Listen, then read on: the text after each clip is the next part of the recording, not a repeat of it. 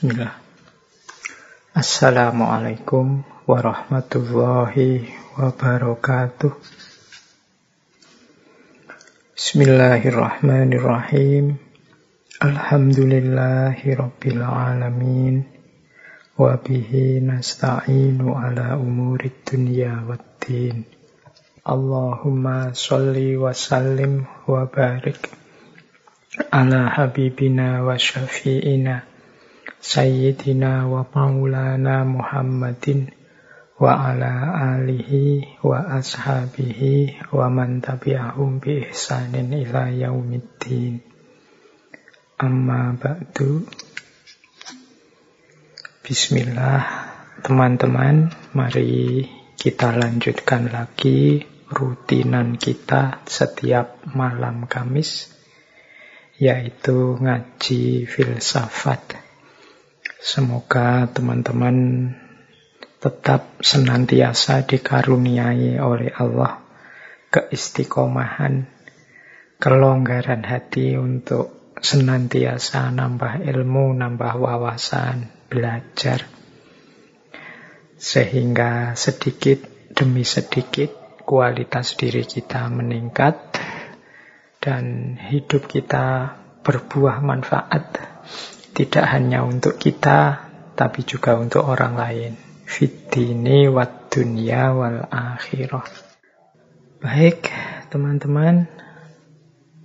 Malam hari ini kita masih ada di tema eksistensialisme. Para filosof eksistensialis. Malam hari ini kita akan berangkat ke Rusia ini kebetulan hari-hari ini Rusia baru perang ya. Semoga segera reda, selesai dan tuntas. Tidak berlarut-larut. Karena seperti peribahasa kita itu kalau ada konflik, tawuran, peperangan, itu kan kita punya peribahasa yang kalah jadi abu, yang menang jadi arang.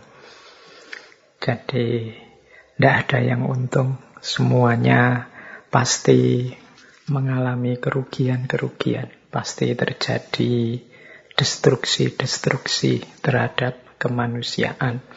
Semoga segera selesai. Peperangan ini tidak berlarut-larut. Meskipun banyak yang bilang bahwa jangan-jangan ini menuju perang dunia ketiga. Ya semoga tidak ya. Semoga pikiran-pikiran kita, akal kita masih jernih untuk tidak menyelesaikan masalah-masalah hidup kita dengan menumpahkan darah. Baik, nah mumpung di sana lagi perang, kita tengok ya salah satu khazanah yang luar biasa dari Rusia, seorang filosof yang namanya Fyodor Dostoyevsky. Teman-teman mungkin pernah mendengar nama ini khususnya yang suka dengan sastra, suka dengan novel-novel. Jadi Dostoyevsky ini, ini mengucapkannya harus agak pelan-pelan nanti kalau kepleset ya. Fyodor Mikhailovich Dostoyevsky. Ini membacanya kurang lebih seperti itu. Kalau tulisannya kadang-kadang ada yang mengejanya Dostoevsky, tapi membacanya biasanya ya seperti tadi, Dostoevsky. Baik, beliau ini filosof, novelis dari Rusia. Pengaruhnya luar biasa dalam tradisi filsafat eksistensialisme. Banyak filosof-filosof besar khususnya para filosof eksistensialis yang terpengaruh oleh beliau ini. Mungkin teman-teman pernah mendengar Nietzsche, Freud, Kafka, dan lain-lain. Ya, ini orang-orang yang banyak dipengaruhi oleh Dostoyevsky ini. Jadi beliau ini tulisan-tulisannya bentuknya ya novel-novel, cerita-cerita pendek. Tapi di balik novel dan cerita-cerita yang beliau angkat, di situ banyak sekali gagasan-gagasan khususnya gagasan-gagasan yang kita kenal sebagai ciri berpikir yang eksistensialis.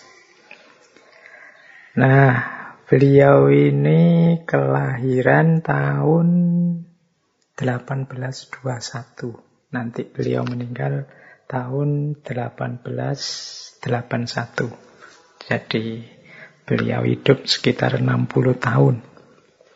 Jadi beliau hidup di era Rusia abad 19. Masih kuat unsur feodalismenya. Nah, nanti di situ beliau banyak nulis novel yang isinya kritik-kritik ada beberapa novelnya yang terkenal sekali. Mungkin malam hari ini kita rujukannya beberapa novel ini. Ini zaman saya mahasiswa dulu ada beberapa yang saya suka. Misalnya ada yang judulnya Crime and Punishment atau Kejahatan dan Hukuman. Kemudian catatan dari bawah tanah, Notes from Underground. Ada yang Brother Karamazov, ada The Idiot, dan lain-lainnya. Nanti malam hari ini coba kita eksplorasi sedikit-sedikit. Kita fokus pada gagasan eksistensial apa sih yang ingin disampaikan oleh Dostoyevsky ini. Jadi sepanjang karir kepenulisan beliau tidak lebih sekitar 12 novel, kemudian dan berbagai cerpen serta tulisan-tulisan cerita yang lain. Jadi beliau ini dari keluarga biasa sebenarnya beliau anak kedua dari tujuh bersaudara. Ayahnya adalah Mikhail Dostoyevsky, ibunya Maria Dostoyevsky. Dia Sebenarnya keluarga biasa seperti saya jelaskan tadi, bahkan cenderung dari keluarga miskin. Tapi orang tuanya ini aktif sejak kecil memperkenalkan Dostoyevsky dengan berbagai bacaan-bacaan literatur-literatur sastra. Nanti ibunya meninggal karena sakit TBC, ayahnya meninggal, ada yang bilang ayahnya ini meninggal karena sakit stroke, ada yang bilang ayahnya meninggal karena dibunuh orang. Tapi meninggalnya orang tuanya ini meninggalkan kesan tersendiri dalam diri seorang Dostoyevsky. Nanti dia kemudian masuk ke akademi militer.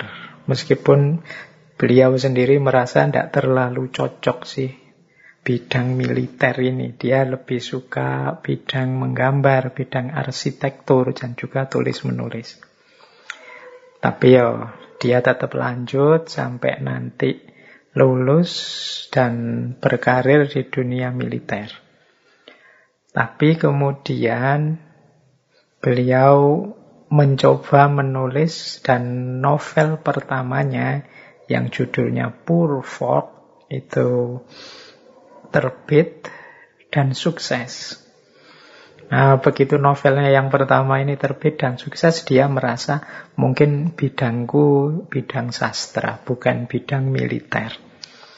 Akhirnya beliau mundur dari militer dan serius menggeluti sastra, meskipun nanti novelnya yang kedua tidak terlalu booming, yang judulnya The Double. Nah, ini titik balik kehidupannya terjadi ketika dia bergabung dengan satu komunitas diskusi intelektual. Namanya Petrasevsky. Petrasevsky ini didirikan oleh Mikhail Petrasevsky. Ini ya kelompok diskusi sastra, kelompok diskusi intelektual yang isinya kritik-kritik tuntutan untuk melakukan reformasi sosial di Rusia. Ya tentu saja kelompok seperti ini kan rentan. Pada akhirnya semua ya anggota kelompok Petrasevsky ini ditangkap oleh pemerintah. Dan semua saat itu diputuskan dihukum mati. Tapi Dostoyevsky ini mungkin nasibnya baik ya, mungkin ada takdir lain yang menunggu beliau. Jadi waktu pelaksanaan eksekusi, jadi waktu sudah beberapa temannya sudah diurut satu-satu, sudah dieksekusi, giliran Dostoyevsky. Dostoyevsky ini ceritanya urutan ke-6 yang mau dieksekusi. Tapi pas dia mau dieksekusi, tiba-tiba utusan dari pemerintah datang, ada perubahan hukuman yang semula hukuman mati diubah menjadi hukuman buang. Jadi selamat akhirnya Dostoyevsky ini. Dan akhirnya beliau dipenjara di Siberia. Yo, sebenarnya yo berat juga penjara di Siberia itu kabarnya Dostoyevsky itu di sana sampai kurus kering, mendapat banyak sekali penyakit berat, termasuk penyakit bawaan. Jadi Dostoyevsky ini punya penyakit bawaan epilepsi. Nah, ini masa-masa paling berat ini di penjara Siberia itu nanti dari situ nanti lahir salah satu novel beliau yang judulnya Catatan dari Rumah Mayat atau Notes from the House of the Dead. Ini juga novel yang booming, karya Dostoyevsky. Nah, setelah bebas dari penjara Siberia, dia kemudian kembali masuk ke korps tentara karena dia dipaksa untuk mengabdi karena beliau punya basic pendidikan militer. Dan nanti kemudian beliau bisa kembali lagi ke Rusia. Meskipun ya beliau ini ceritanya nanti di babak terakhir hidupnya ini miskin. Karya-karyanya luar biasa di era ini, tapi secara umum beliau ini hidupnya miskin. Bahkan ceritanya sampai menggadaikan barang-barang di rumah, baju-bajunya. Beliau juga sakit-sakitan. Dan yang lebih parah lagi, kabarnya beliau ini suka judi. Jadi hartanya habis. Bahkan anak pertama beliau kabarnya meninggal karena sakit paru-paru. Nah, ini saya tiba-tiba dongeng ini tadi ya teman-teman tentang Dostoyevsky. Tapi semoga teman-teman bisa menangkap ya dari sekilas cerita ini. Kepahitan-kepahitan hidup seorang Dostoyevsky dari sejak ditinggal mati dua orang tuanya, ada yang eh, TBC ibunya, ayahnya kabarnya juga dibunuh. Kemudian beliau sampai di penjara sengsara di Siberia. Nanti sepulangnya dari penjara juga sakit-sakitan, miskin, sampai anaknya meninggal dan lain sebagainya. Ini pengalaman-pengalaman pahit yang berharga yang turut membentuk pikiran-pikiran seorang Dostoyevsky. Baik, yo detailnya teman-teman bisa nyari ya. Novel-novel beliau banyak. Pengaruh beliau juga luar biasa. Nah, malam hari ini kita belajar sebentar. Tentu saja kita mengambil gagasan-gagasan Dostoyevsky ini dari novel-novel beliau. Ada beberapa nanti yang banyak kita ambil malam ini. Yang pertama tentu saja novel eksistensialis pertama dalam tradisi filsafat yang judulnya Notes from Underground. Jadi Notes from Underground ini ya terjemahannya catatan dari bawah tanah.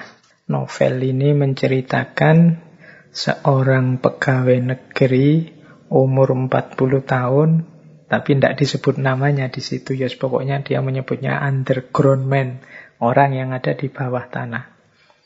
Jadi dia ini berhenti dari tugasnya jadi PNS, terus tinggal di satu flat di bawah tanah, di pinggiran kota Saint Petersburg. Nah, kemudian di situ banyak diceritakan pergumulan-pergumulan pikirannya.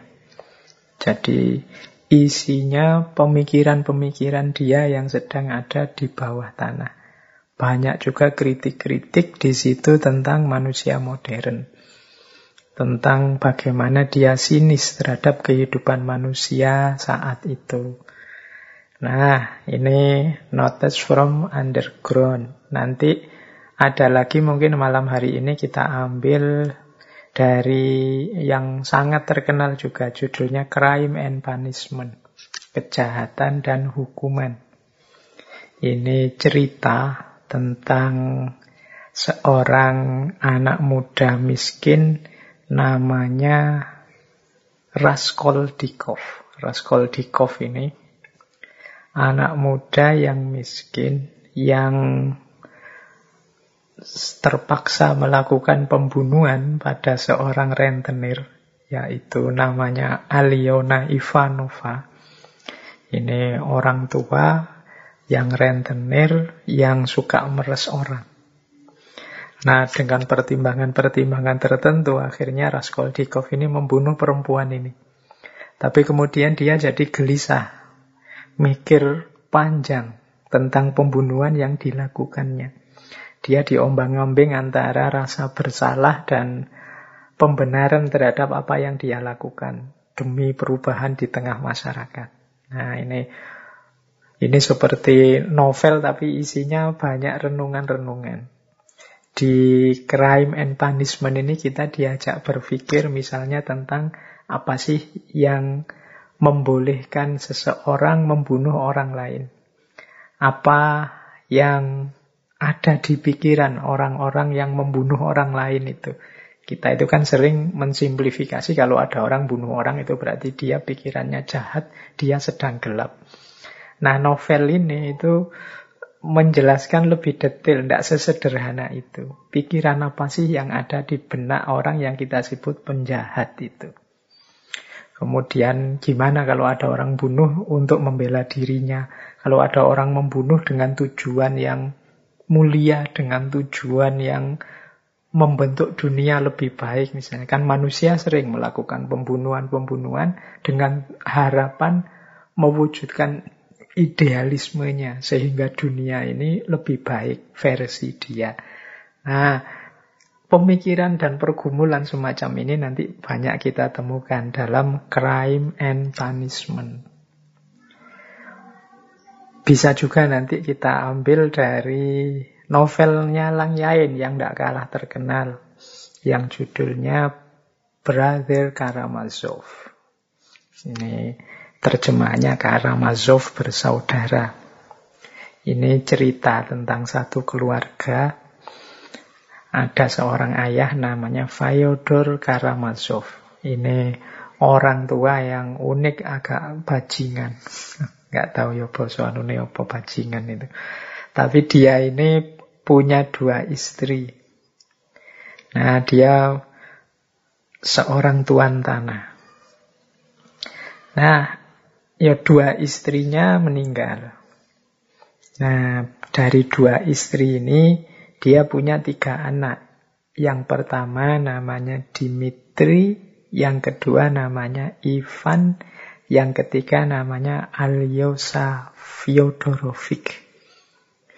Ini tiga orang anak, tapi tiga orang anak ini dengan karakternya sendiri-sendiri. Dan ada satu lagi pelayan namanya Smerdiakov, kalau saya tidak salah ingat. Nah, pelayan ini sebenarnya ya anaknya Karamazov sendiri, tapi dia anak haram. Hasil selingkuhannya Karamazov dengan uh, tunawisma yang ada di sekitar rumahnya. Namanya Smerdiakov. Nah, anaknya yang namanya Dimitri itu jadi prajurit. Nanti dia simbol ambisi, hawa nafsu, sensualitas. Sementara anaknya yang namanya Ivan dari Karamazov ini, ini simbol intelektual. Dia ini bahkan ateis. Nah, profesinya sebagai filosof, penulis dia. Nah, yang ketiga Aliosa. Kalau Aliosa ini calon pastor.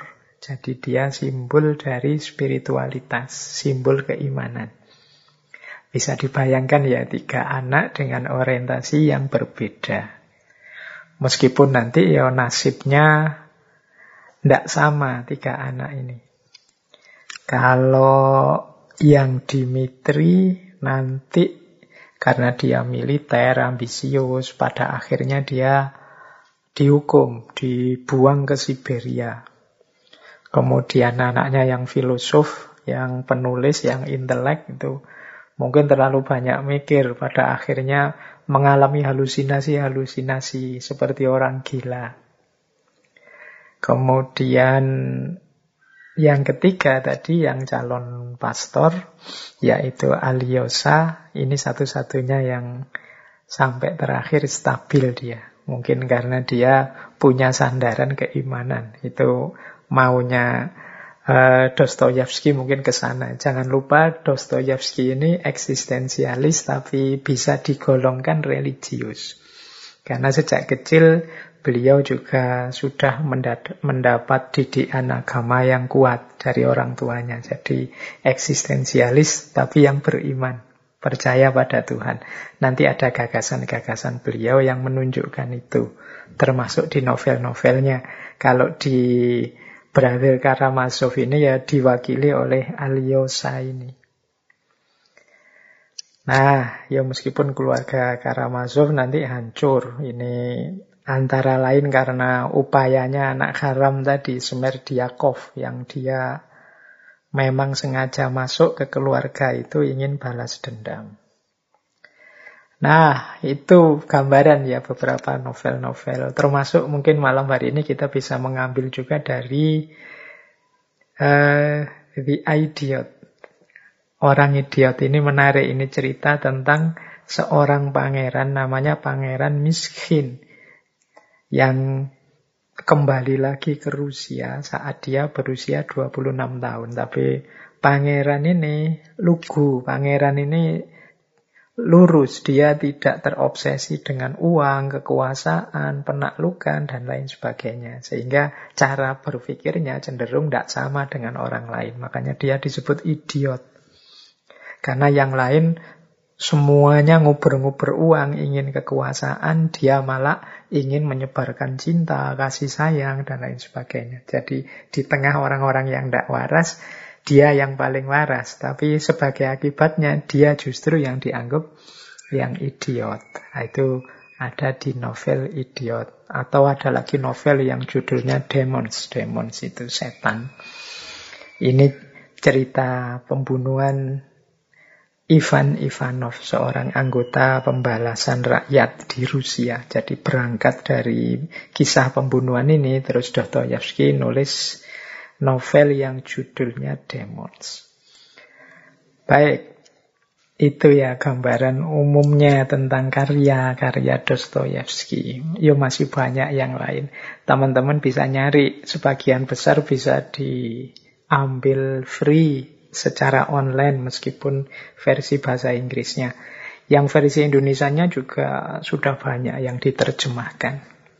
Teman-teman yang suka karya-karya sastra pastinya mungkin sudah ada yang satu dua pernah membaca novel-novelnya Dostoyevsky ini.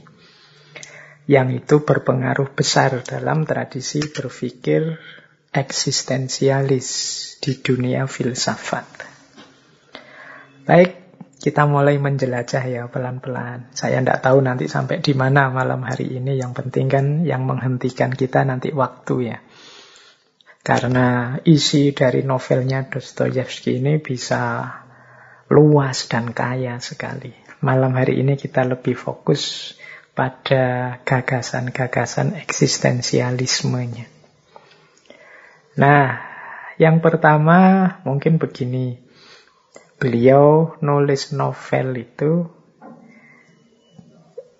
genre sastra yang dia ambil itu mungkin bisa disebut jenis yang realis dan eksistensialis.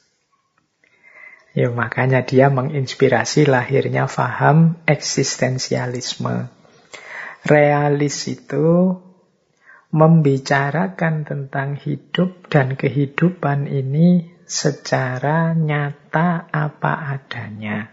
Tidak didramatisir-dramatisir, tidak dilebih-lebihkan, ya dipotret kenyataan apa adanya. Baik kenyataan lahiriah yang kelihatan maupun kenyataan batin tokoh-tokohnya. Jadi kalau teman-teman membaca novel-novelnya Dostoyevsky itu kelihatan nanti tidak ada orang itu yang sempurna, baik hati 100%, atau orang yang jahat total, yang sama sekali perbuatannya 100% kegelapan. Orang itu selalu saja, ya ada baiknya, ada buruknya. Tidak ada orang yang benar-benar baik hati, sempurna, kalau kita nulis, membaca banyak novel, banyak cerita, apalagi yang jenis-jenis superhero dan lain itu kan selalu orang itu perfect. Mungkin novel-novel religi kan juga begitu. Orang itu digambarkan perfect sekali, baik 100%, tidak ada buruknya. Nah, kalau gayanya Dostoyevsky tidak. Bagi dia ya realistis sajalah manusia itu ya ada baiknya, ada buruknya. Orang baik pun kadang-kadang ya punya pikiran-pikiran buruk. Bahkan kelakuannya juga kadang-kadang ya meleset. Orang buruk kadang-kadang juga ketika pikirannya terbuka, hatinya pas jernih, mungkin ada sisi-sisi hidupnya yang baik. Nah ini kalau dalam tradisi filsafat ya ini namanya realisme. Jadi membidik sesuatu secara realistis. Kenyataan apa adanya saja. Tidak didramatisasi, juga tidak diglorifikasi berlebihan.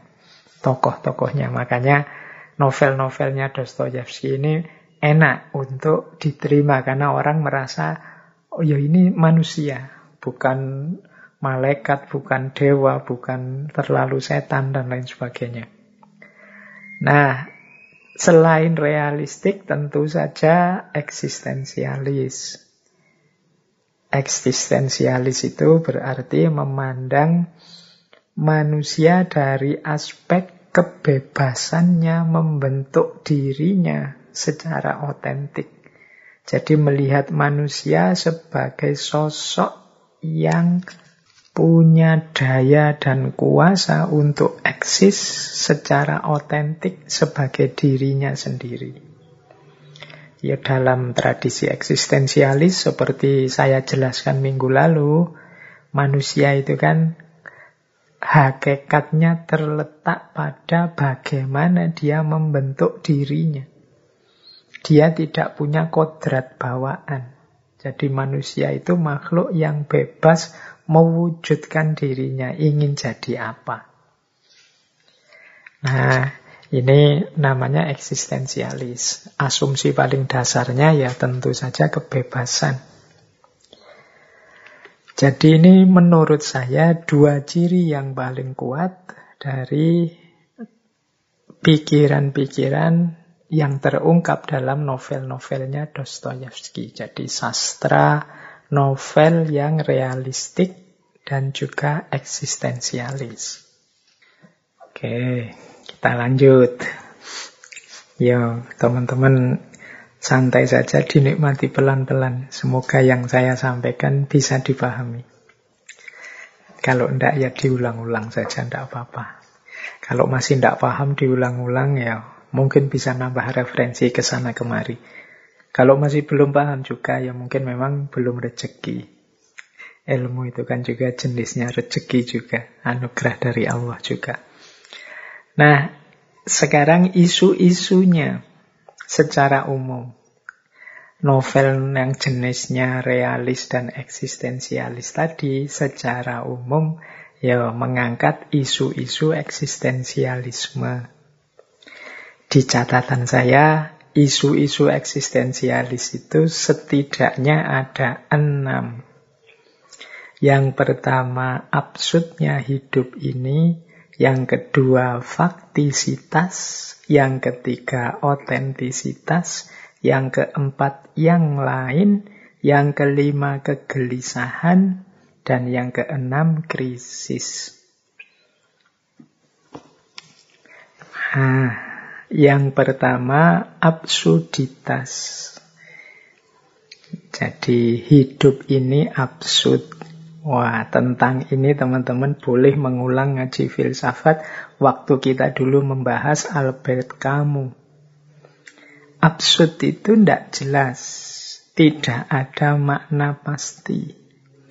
Tidak ada apa yang kita sebut ketegasan makna, kejernihan makna. Jadi hidup ini absurd. Yang kita anggap baik bisa saja buruk yang kita anggap buruk bisa saja ternyata bermanfaat untuk orang lain. Kita mati-matian melakukan yang baik, hasilnya ternyata buruk. Atau ada orang melakukan kejahatan, tapi kok efeknya malah positif bagi orang tertentu. Ini gambaran betapa hidup ini absurd. Ada orang kelihatannya baik sekali, tapi tiba-tiba kok dia bisa melakukan keburukan se jelek itu. Harusnya orang level dia itu ya seandainya salah tidak sefatal itu. Tapi ada loh orang itu dipuji banyak orang kealimannya. Tapi tiba-tiba melakukan keburukan yang tidak terduga. Tapi ya jangan kaget. Hidup ini memang absurd. Jadi tidak sepasti satu tambah satu dua. Tidak ada makna yang objektif universal yang kapan pun dan di mana pun berlaku pasti baik tanpa pengecualian. Nah ini kemarin dijelaskan uh, agak detail waktu kita membahas Albert Camus tentang absurditas. Ilustrasinya kan uh, tentang dewa Yunani yang namanya Sisyphus. Yang dia dihukum oleh para dewa dengan cara ngangkat batu ke atas gunung terus digelundungkan lagi ke bawah. Sampai di bawah harus diangkat lagi ke atas, sampai di atas digelundungkan lagi ke bawah. Nah, terus begitu nanti sampai hari kiamat. Nah, kita itu mungkin seperti Sisyphus ini. Jadi kita melakukan banyak hal yang absurd, tidak jelas. Seolah-olah kita menganggap ini penting sekali padahal tidak. Hanya pengulangan-pengulangan yang tanpa makna. Nah ini isu pertama, nanti di berbagai isu di novel banyak diangkat betapa absurdnya hidup ini. Yang kedua tentang faktisitas. Faktisitas itu ya mudahnya berhubungan dengan fakta. Kita hidup ini terlempar dalam fakta-fakta terlempar dalam dunia kita yang kita sering tidak bisa menduga bahkan tidak bisa nawar. Kok tiba-tiba jadi begini lingkunganku? Kok tiba-tiba saya pindah ke daerah sana tidak sebagaimana yang aku harapkan? Ternyata daerah sana itu begini. Kita terlempar di fakta yang tidak sebagaimana kita bayangkan. Keterlemparan dalam fakta itu namanya faktisitas. Kayak teman-teman mahasiswa itu loh. Dulu sebelum kuliah mungkin membayangkan kuliah itu begini, kuliah itu begitu, bla bla bla bla. Terus kita menyusun idealisme kita. Kalau begitu besok kalau saya kuliah akan begini, akan begitu. Tapi begitu kita masuk kuliah beneran, Wala ya ternyata kok begini ya kuliah itu. Nah, itu tapi mau tidak mau kan harus kita hadapi. Itu namanya keterlemparan dalam fakta. Ini kalau dalam eksistensialisme ya isu isu-isu eksistensialis. Eksistensi manusia itu mau tidak mau dia berhadapan dengan situasi kondisi sekelilingnya. Kita tidak ingin sih medsos itu dipakai untuk ajang misalnya berkonflik, saling menjatuhkan. Tapi kenyataannya sudah begitu, mau gimana lagi, yaitu faktisitas. Kita inginnya sih pandemi ini selesailah bulan depan. Tapi begitu nyampe bulan depan ternyata ya masih belum. Mau gimana lagi? Faktanya memang begitu. Nah hidup ini kita sering ketemu dengan faktisitas-faktisitas. Kita sering terlempar dalam fakta-fakta yang isinya tidak selalu persis sama dengan yang kita harapkan. Ini kayak nantang respon kita. Kita mau eksis atau tenggelam menghadapi fakta-fakta ini. Yang ketiga tentu saja otentisitas. Otentisitas itu keotentikan diri kita. Kita ini ingin jadi diri sendiri atau hanya ikut saja orang atau mengikuti masa saja, mengalir saja sesuai arus yang berjalan. Ini isu otentisitas. Ini juga isu besar dalam eksistensialis. Seperti kalau gagasannya Heidegger kan ada istilah Dasman sama Dasein. Dasein itu manusia otentik. Kalau Dasman tidak, manusia yang tenggelam. Di tengah fakta-fakta hidupnya, dia tidak muncul. Jadi kenapa dia tidak muncul? Ya karena dia ikut saja orang lain. Karena dia mengalir saja. Dia tidak punya, kalau bahasa kita sering tidak punya jati dirinya sendiri, kekhasan dirinya sendiri. Dia tidak mampu mewujudkan dorongan dirinya sendiri. Mungkin dia takut tidak diakui di tengah masyarakatnya. Nah, itu yang ketiga, otentisitas. Yang keempat, eksistensialisme juga berhadapan dengan isu hadirnya orang lain, kehadiran yang lain. Ya kita sih ingin otentik Pak, ingin hidup itu versi diri kita sendiri sesuai keinginan kita sendiri. Tapi kan ada orang lain Pak. Saya pingin sih hari ini full day terus tidur, tapi ada kuliah, ini ada dosennya. Berhadapan dengan dosen saya tidak berdaya Pak. Dosennya juga begitu, wah berhadapan dengan atasannya dia tidak berdaya. Berhadapan dengan masyarakat sekelilingnya dia tidak berdaya. Nah, itu problem kehadiran yang lain. Ini juga nanti banyak jadi isu di para eksistensialis. Bahkan nanti kan Sartre sampai bilang orang lain itu neraka bagiku. Mengapa neraka? Gara-gara ada orang lain ini aku tidak bebas sepenuhnya mengekspresikan keinginanku. Kemudian eksistensialisme juga, isu-isu eksistensial juga di novel-novelnya Dostoyevsky itu dalam catatan saya ya banyak membahas juga tentang kegelisahan atau ketakutan eksistensial. Manusia yang gelisah takut tidak diakui orang lain, takut keberadaannya hampa, tidak ada maknanya, takut hidupnya sia-sia. Ini ketakutan eksistensial. Takut belum jadi apa-apa kok terus mati misalnya. Itu ketakutan-ketakutan eksistensial. Nah ini juga banyak dieksplor dalam novel-novelnya Dostoyevsky. Jadi ada absurditas hidup, faktisitas, otentisitas, hadirnya yang lain, kegelisahan-kegelisahan, ketakutan-ketakutan eksistensial. Nah, yang paling tampak dalam novel-novelnya Dostoyevsky itu menurut saya ya bagian krisis eksistensi atau krisis eksistensial. Ini kita mungkin juga sering mengalami krisis ini. Jadi krisis eksistensial itu ketika seseorang berada dalam kondisi tidak nyaman, merasa tidak serak, tidak pas, tidak puas dengan pilihan-pilihan hidup atau makna-makna hidup yang sekarang dimiliki. Jadi ini namanya krisis eksistensial. Dalam catatan saya, krisis eksistensial ini sering dialami oleh anak-anak muda. Jadi pilihan-pilihan hidup, tawaran-tawaran makna yang sekarang dia pegang itu menurut dia tidak cocok, tidak sesuai dengan keinginannya. Mau ditinggal bagaimana, mau tetap dipegang kok tidak cocok. Ah, terjadi krisis-krisis. Ada beberapa hal yang membuat lahirnya krisis eksistensial ini dalam diri seseorang. Yang pertama biasanya adalah tentang kebebasan dan tanggung jawab. Jadi manusia itu kan kalau dalam eksistensialisme diasumsikan dia bebas. Tapi dia juga dituntut untuk bertanggung jawab terhadap pilihan-pilihan bebasnya. Nah, banyak di antara kita bebasnya mau, tapi tanggung jawabnya berat. Tidak siap.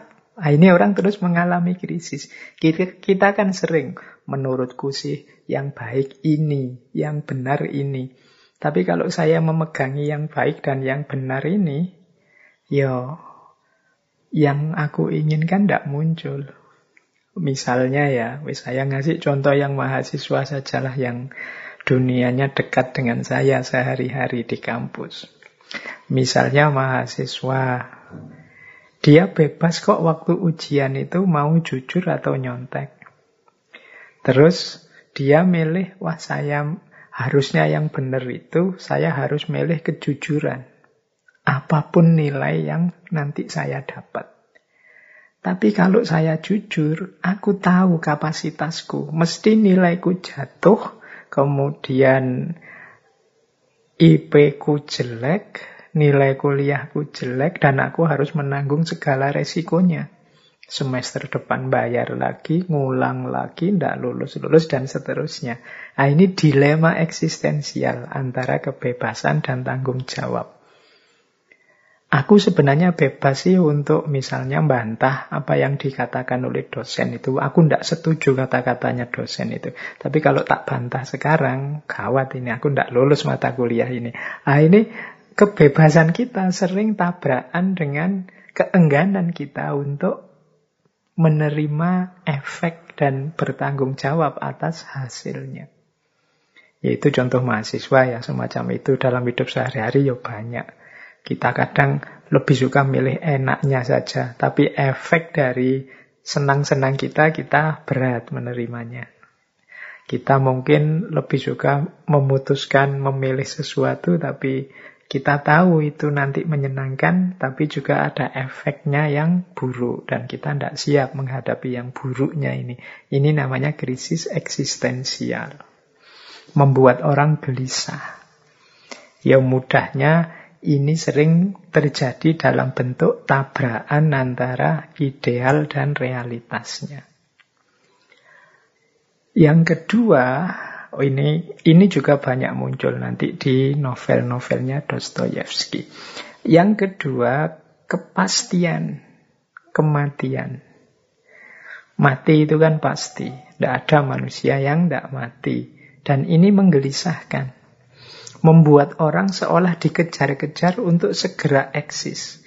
Kalau dia merasa belum sesuatu, belum otentik, belum tampil, belum terwujud keinginan-keinginannya, dia pasti gelisah. Ah, ini bagian dari krisis eksistensial. Yang ketiga, krisis eksistensial itu terjadi dalam hubungan kita dengan orang lain. Jadi misalnya begini loh, kita itu seperti tadi, kalau ada orang lain mau tidak mau harus banyak melakukan penyesuaian-penyesuaian.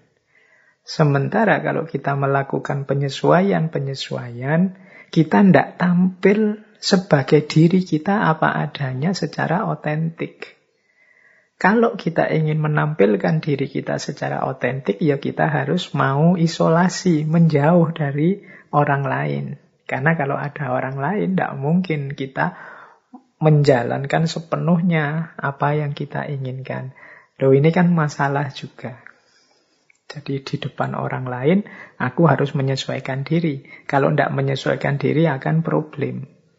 Sementara keinginanku mungkin akan terpenuhi kalau aku menjauh dari orang lain. Tapi kalau aku menjauh dari orang lain, tidak mungkin juga wong hidup ini membutuhkan orang lain. Nah ini krisis eksistensial juga. Aku harus berdiri sendiri, mengisolasi diri dari orang lain, tidak terlalu banyak bersentuhan dengan orang lain.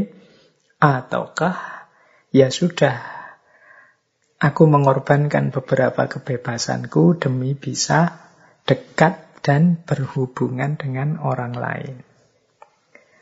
Nah, yang sering juga jadi sumber krisis eksistensial adalah makna hidup. Jadi banyak orang yang gelisah mencari makna hidup.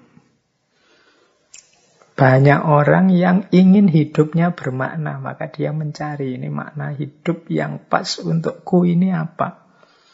Kadang-kadang tidak ketemu-ketemu. Mungkin sampai dewasa, bahkan sampai tua juga tidak nemu makna hidup ini yang pas, yang cocok. Akhirnya dia cemas, akhirnya dia takut. Terjadi tadi krisis eksistensial.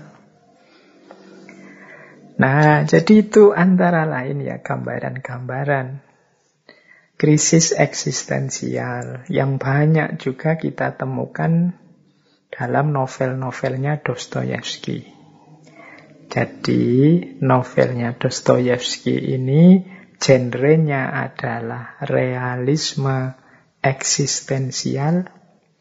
Ya, realisme berarti memotret fenomena apa adanya, baik fenomena lahir maupun fenomena batin, dan fokus pada eksistensi manusia.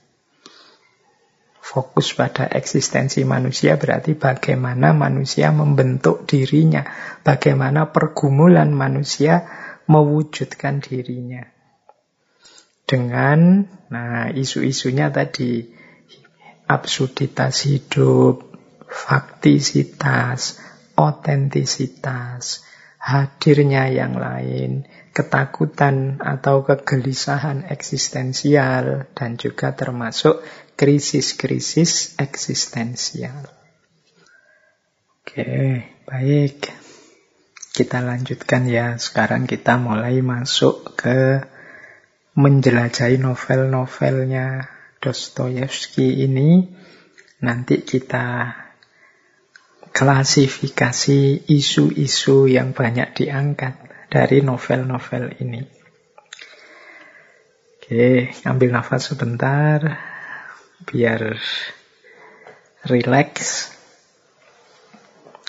Yang pertama, ini kita angkat isu tentang manusia atau kenyataan diri manusia. Nah, ada beberapa kalimat yang saya ambil dari novel-novelnya Dostoyevsky ini tentang kenyataan diri manusia. Misalnya, dari novel Notes from the House of the Dead. Ini judulnya seperti nama game ya. Jadi rumah kematian atau kadang diterjemah rumah pemakaman. Di salah satu bagian novel itu Dostoyevsky menyatakan manusia adalah makhluk yang dapat membiasakan diri terhadap apa pun. Dan menurutku itulah definisi terbaik tentang dirinya. Jadi ini dari sini sebenarnya kelihatan corak eksistensialnya manusia. Jadi manusia itu bisa jadi apa saja. Bisa membentuk dirinya seperti apa pun yang dia inginkan. Jadi kita itu ingin jadi orang yang tangguh, pantang menyerah, tidak gampang uh, putus asa, bisa. Sebaliknya kita juga bisa jadi orang yang cengeng, males, tidak mau kerja, nunggu pertolongan orang lain saja, itu pun ya bisa. Manusia itu lengkap. Kalau bahasanya Al-Quran, fa'alhamaha fujuroha wa taqwaha. Allah menganugerahkan pada kita fujur dan juga takwa. Kita mau jadi orang takwa, ya kita punya daya untuk itu. Kita mau jadi orang nakal, orang culas, orang jahat, ya kita punya daya. Kita mau jujur bisa, kita mau jadi pembohong juga bisa. Di situlah justru definisinya manusia. Jadi manusia itu, kata Dostoyevsky, makhluk yang dapat membiasakan diri terhadap apa pun. Nah, nanti dilanjutkan dengan kalimat seperti ini. Setiap semut tahu cara membuat sarang semut. Setiap lebah tahu cara membuat sarang lebah. Mereka tahu dengan caranya sendiri, bukan dengan cara kita. Hanya manusia yang tidak tahu cara hidupnya sendiri. Nah, ini juga mungkin penjelasan tambahan. Jadi manusia itu lahir ke dunia, muncul di muka bumi ini bukan paket jadi. Jadi isi kedirian manusia itu potensi-potensi. Kita mau jadi apa saja bisa, cuma tidak instan. Kita harus berusaha dulu, belajar dulu, membiasakan diri dulu. Baru nanti kita bisa jadi apa pun yang kita inginkan. Beda dengan binatang, beda dengan semut, beda dengan lebah. Semut itu tidak perlu sekolah, dia otomatis bisa membuat sarang semut. Lebah itu tidak ada kursusnya, dia bisa bikin sarang lebah. Kalau kita manusia kan tidak. Kita bikin baju ya kalau tidak kursus menjahit, bikin baju ya tidak bisa bikin baju, apalagi bikin rumah kita. Harus belajar dulu. Manusia perlu belajar perlu pembiasaan untuk bisa hidup. Tidak paket jadi, tidak instan. Jadi kalau ada orang merasa saya itu sebenarnya potensi saya besar, ya potensi besar itu tidak cuma kamu, semua orang juga potensinya besar. Tergantung mana di antara potensi-potensi itu yang mau kamu aktualkan. Nah, ini urean yang positif. Menurut saya mudah dipahami tentang kenyataan manusia. Tapi ada lagi penjelasan dari Dostoyevsky tentang manusia. Kalau tadi kan mungkin mirip-mirip saja dengan para filosof eksistensialis yang lain. Tapi dia juga punya definisi yang berbeda begini tentang manusia. Kata dia, Manusia itu makhluk yang luar biasa karena dia sangat menyukai penderitaan. Itulah faktanya. Jadi ini mungkin sindiran tapi juga mungkin sebenarnya dia membicarakan fakta manusia sepanjang sejarah. Jadi manusia itu justru makhluk yang lebih sering meleh opsi-opsi yang sulit, yang menyusahkan dalam hidupnya. Jadi dia sangat suka dengan penderitaan. Kata Dostoyevsky dari Notes from Underground, catatan dari bawah tanah. Dia mengidentifikasi manusia itu suka sekali merancang sesuatu, melakukan sesuatu yang nantinya menyulitkan dirinya sendiri, melahirkan penderitaan demi penderitaan. Banyak hal simpel yang dibikin rumit oleh manusia, dibikin ruwet. Banyak kenikmatan yang dia modifikasi sedemikian rupa sehingga malah yang nikmat melahirkan bencana.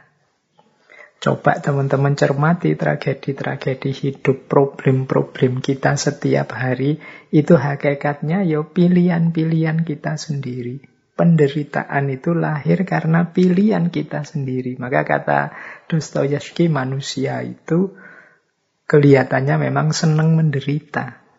Faktanya begitu, kata dia. Jadi, ya paling tidak coba ya di antara teman-teman yang ngaji malam hari ini coba kita renungi kita selama ini gelisah tentang apa atau karena apa masalah-masalah hidup kita itu apa? Itu kemungkinan besar masalah kita itu ya karena pilihan-pilihan kita sendiri. Kita yang membuat ruwet, kita yang membuat rumit, kita yang milih tanpa pertimbangan, kita yang salah menggunakan kebebasan kita dan lain sebagainya. Akhirnya kita sendiri yang menderita. Nah ini kenyataan manusia yang mungkin ketiga ya yang saya temukan. Nah, ada lagi dalam Notes from Underground itu manusia itu kata Dostoyevsky, aku yakin definisi terbaik untuk manusia adalah binatang berkaki dua yang tidak tahu terima kasih. Jadi manusia itu dengan segala keunggulannya, dengan segala kelebihannya, itu ternyata dia tidak bersyukur, tidak tahu terima kasih. Buktinya apa?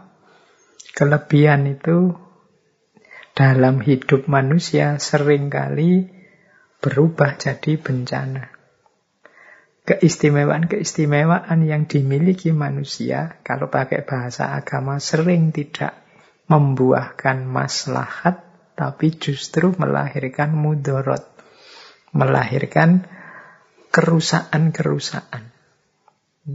Al-Quran kan juga sudah secara tegas menyindir bahwa Zuharul Fasadu sudah tampak kerusakan-kerusakan di muka bumi bima kasabat aidinas. Karena kelakuannya manusia. Padahal manusia itu yang dapat anugerah paling istimewa dari Tuhan. Ternyata dia adalah makhluk yang tidak tahu terima kasih, tidak tahu caranya bersyukur. Ini sindiran ini mungkin mirip ayat ya.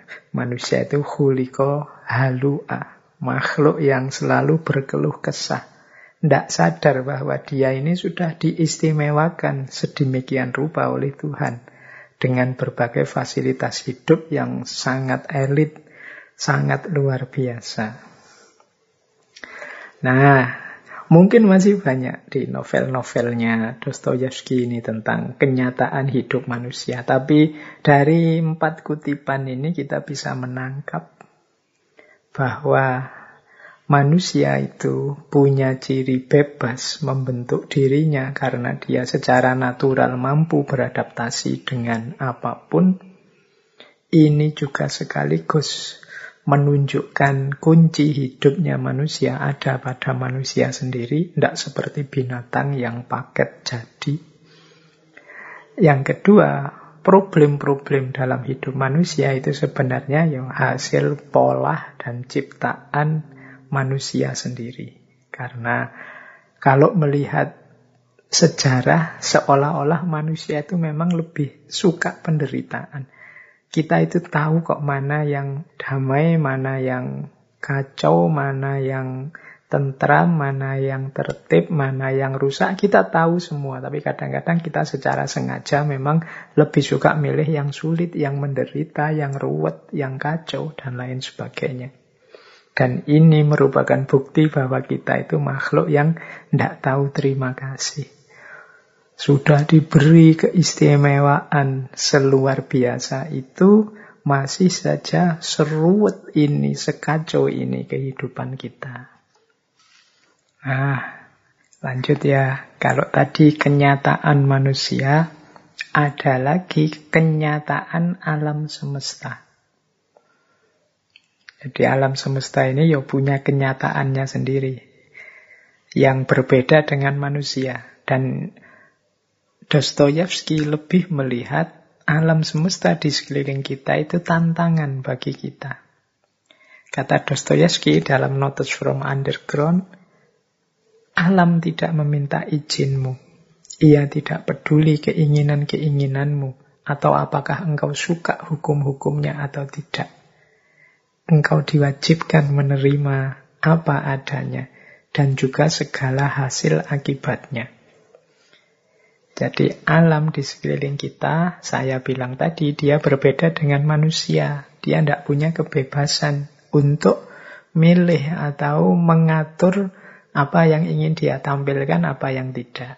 Alam itu paket jadi dia melakukan sesuatu atau membuahkan sesuatu atau terjadi apa tentang dirinya, itu ya tidak minta izin kita. Dia tidak peduli keinginan kita. Wah saya ingin mbok yo sekarang tidak hujan. Alah kok ternyata malah hujan. Saya inginnya sekarang hujan malah tidak hujan-hujan. Itu kan suka-suka alam. Dia punya rumus sendiri yang kita kenal dengan sunnatullah, hukum alam. Nah, yang ini manusia mau tidak mau menerimanya dengan segala hasil dan akibatnya. Ini yang saya sebut ya di mata Dostoyevsky, kenyataan alam sekeliling kita, sunatullah ini tantangan. Ini menarik nanti dalam Dostoyevsky. Dia menjajaki kemungkinan bisa ndak ya manusia itu uh, menantang sunatullah, menantang sunatullah itu menyiasati hukum-hukum alam ini. Sesuai kepentingannya dengan landasan kebebasannya.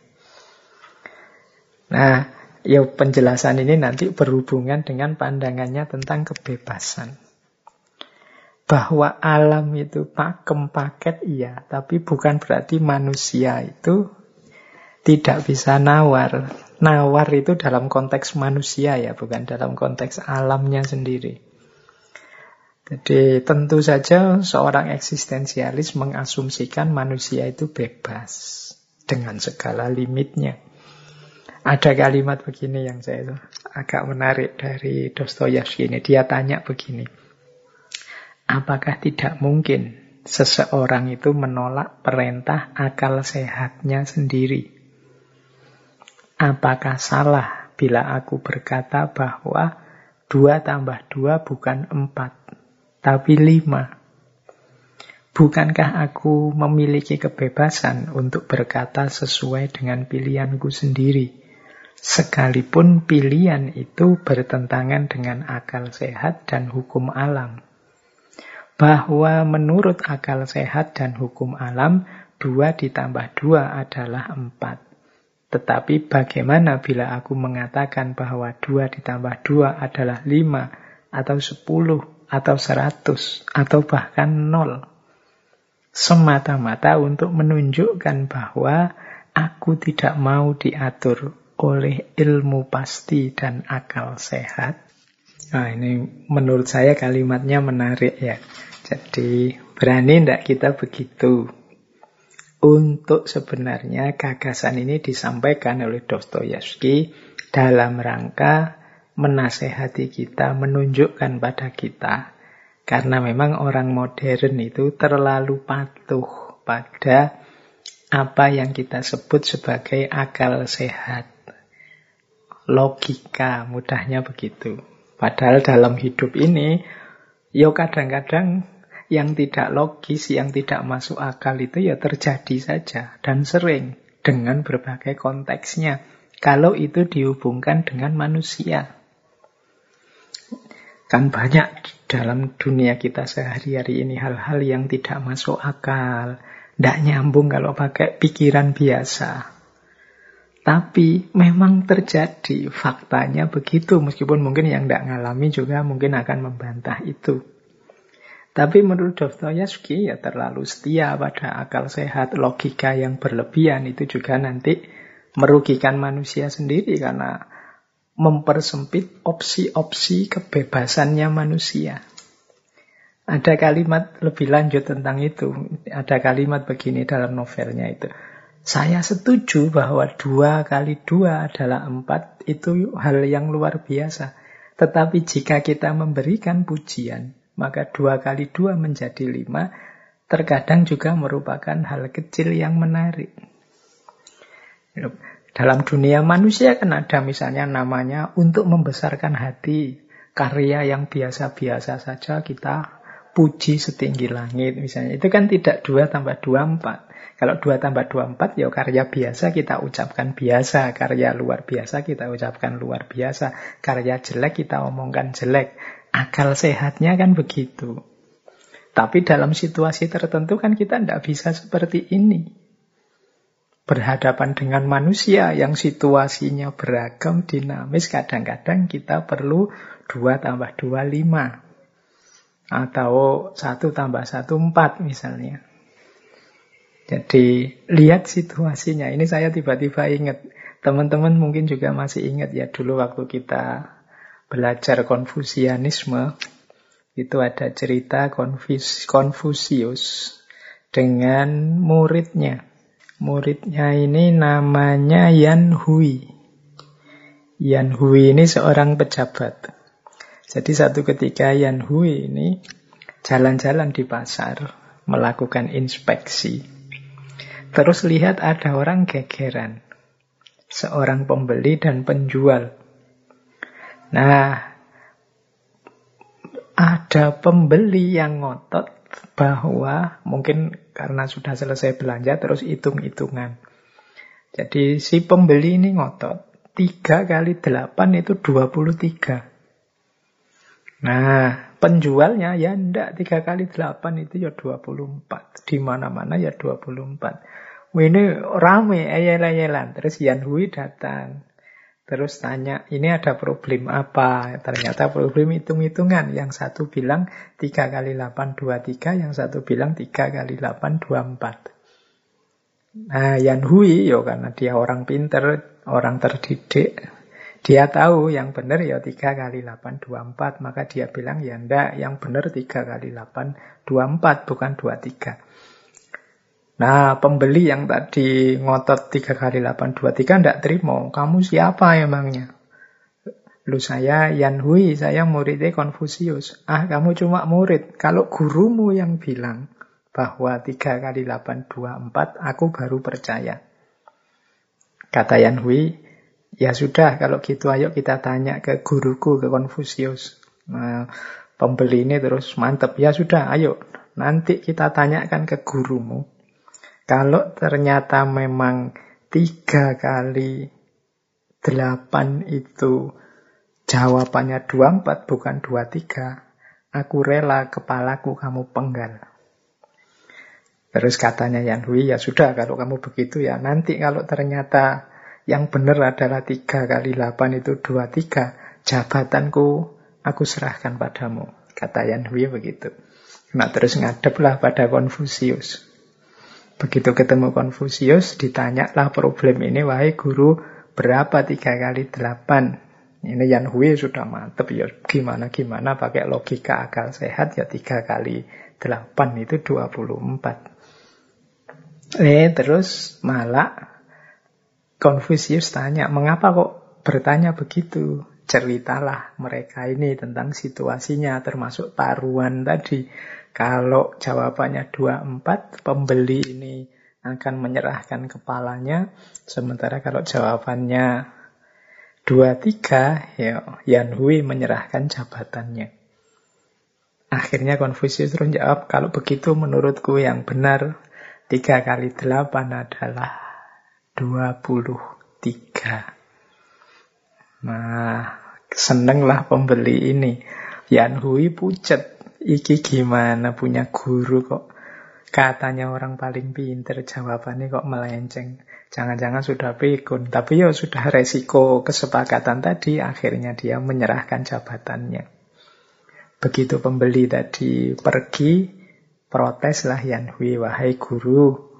Masa dalam rumus apa, dalam cerita apa kok bisa 3 kali 8, 2, 3. Harusnya kan 2, 4.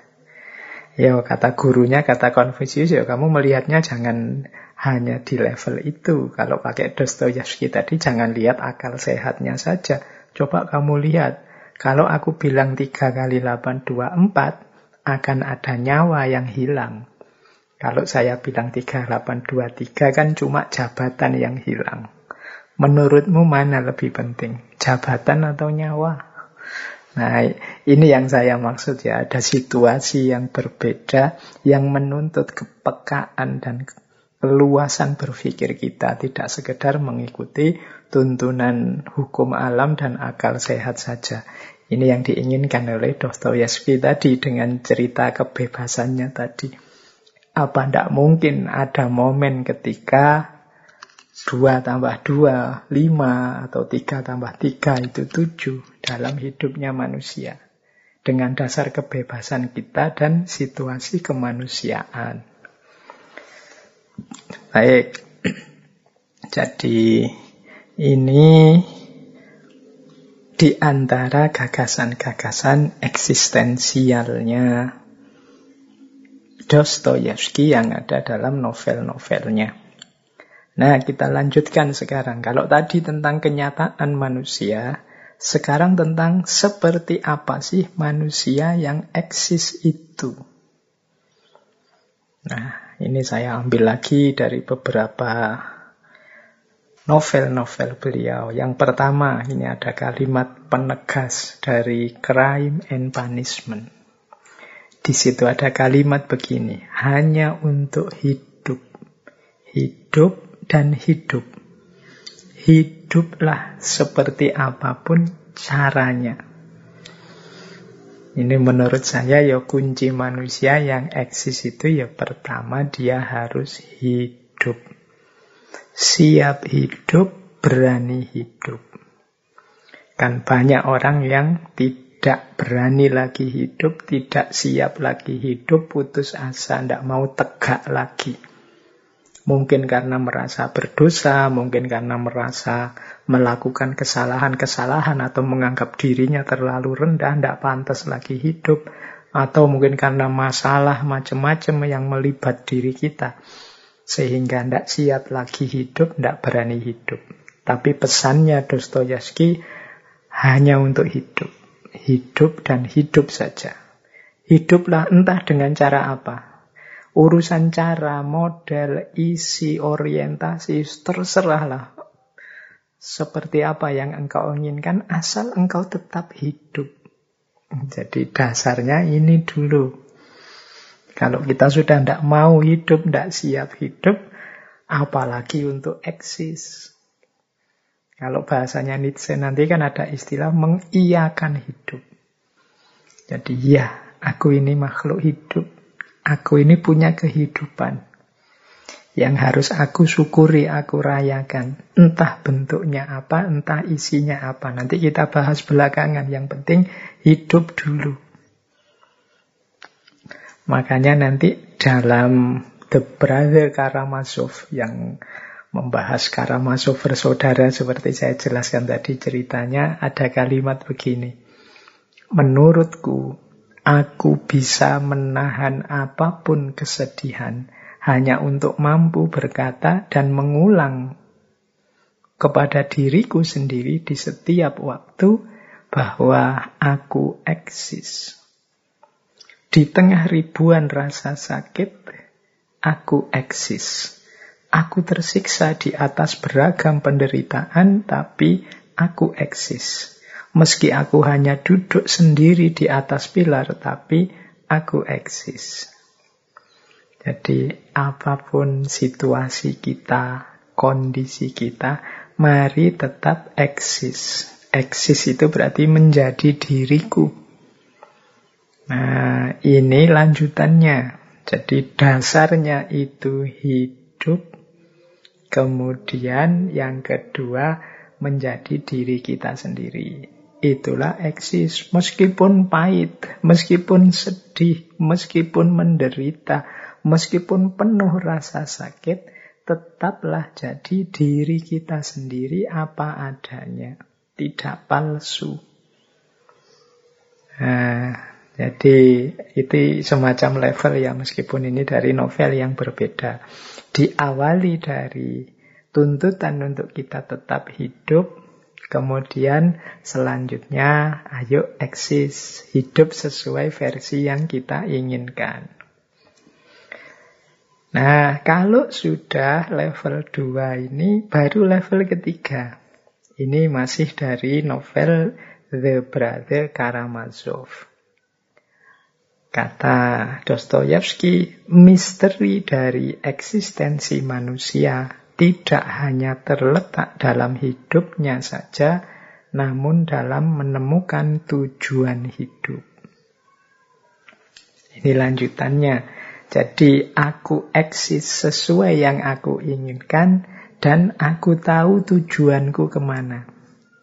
Inilah manusia yang eksis. Jadi bukan yang asal eksis tidak tahu mau ke mana untuk apa yang asal eksis itu ya kemungkinan dia tidak sadar tentang dirinya.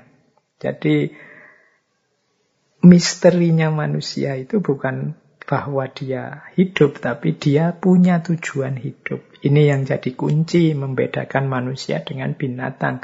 Tidak asal ada, tidak asal eksis, tapi juga punya tujuan, punya orientasi. Makanya dalam eksistensialisme seperti saya jelaskan tadi, tampak upaya manusia untuk memaknai hidupnya, membentuk hidupnya, mewujudkan tujuan-tujuan hidupnya.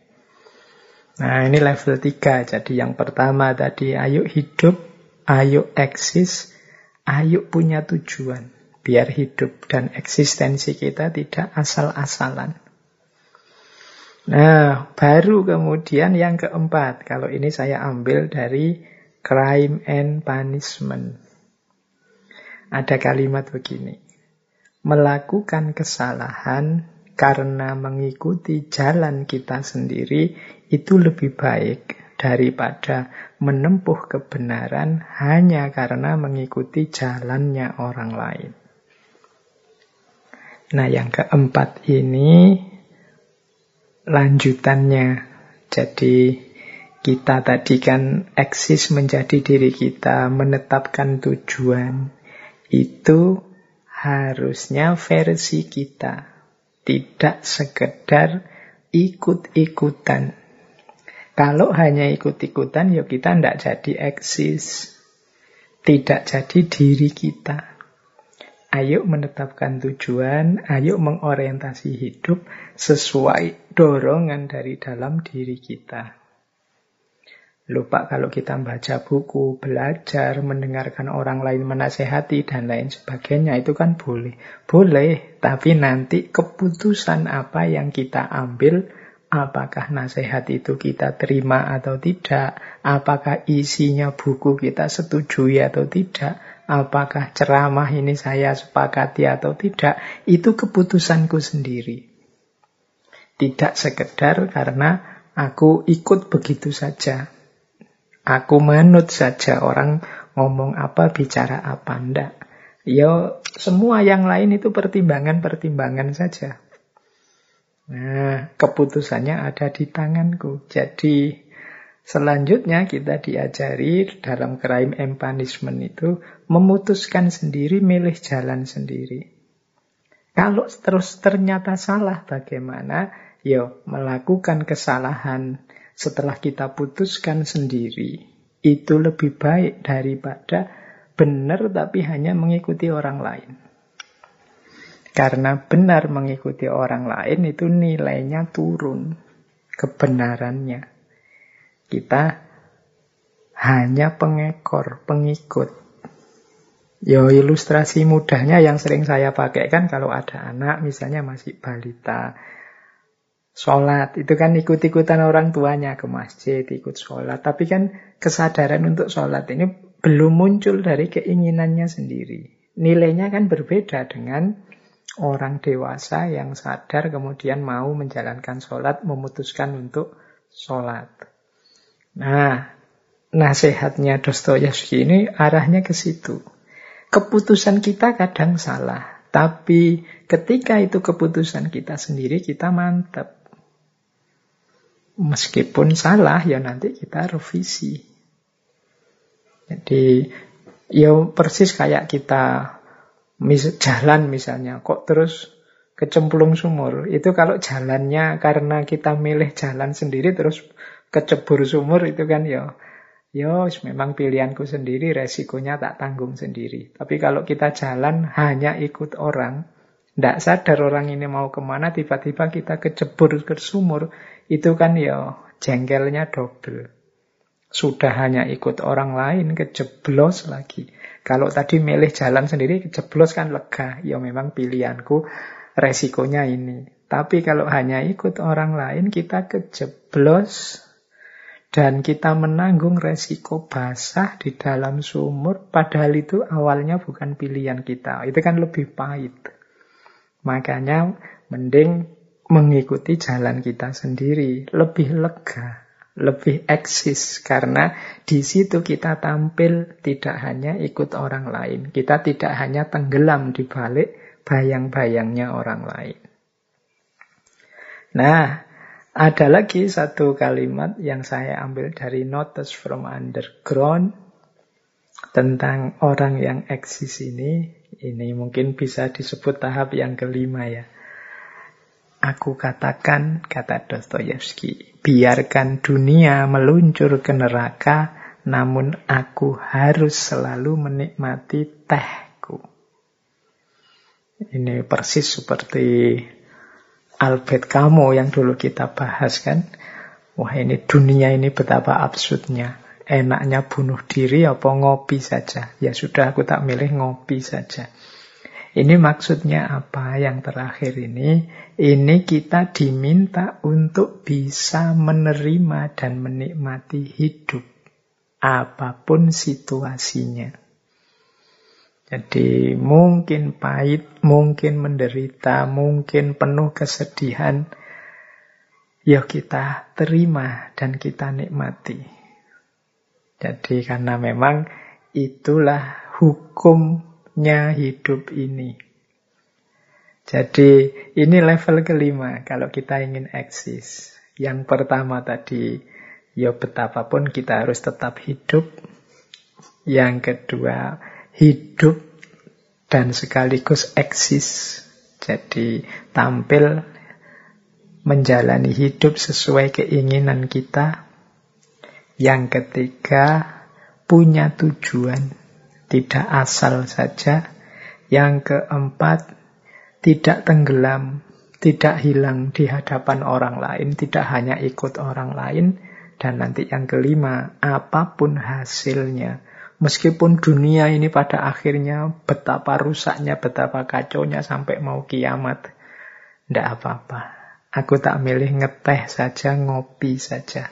Masih bisa menikmati hidup, masih bisa kita bersyukur, Nah inilah cirinya orang yang eksis. Orang yang mampu menjadi dirinya sendiri. Orang yang hidup dan punya tujuan. Nah, baik. Kita lanjutkan. Ini masih dalam gagasan-gagasan eksistensialistiknya. Kalau tadi membahas bagaimana caranya eksis, Nah, sekarang kita jelajahi dari novel-novelnya tentang absurditas hidup. Tidak jelasnya hidup ini. Tidak pastinya hidup ini. Bagaimana hidup ini absurd. Ada beberapa quotes, beberapa potongan dari novel yang menurut saya menunjukkan betapa hidup kita ini absurd, tidak pasti.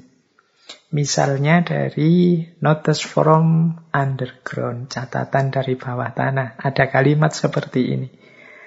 Perhatikan baik-baik.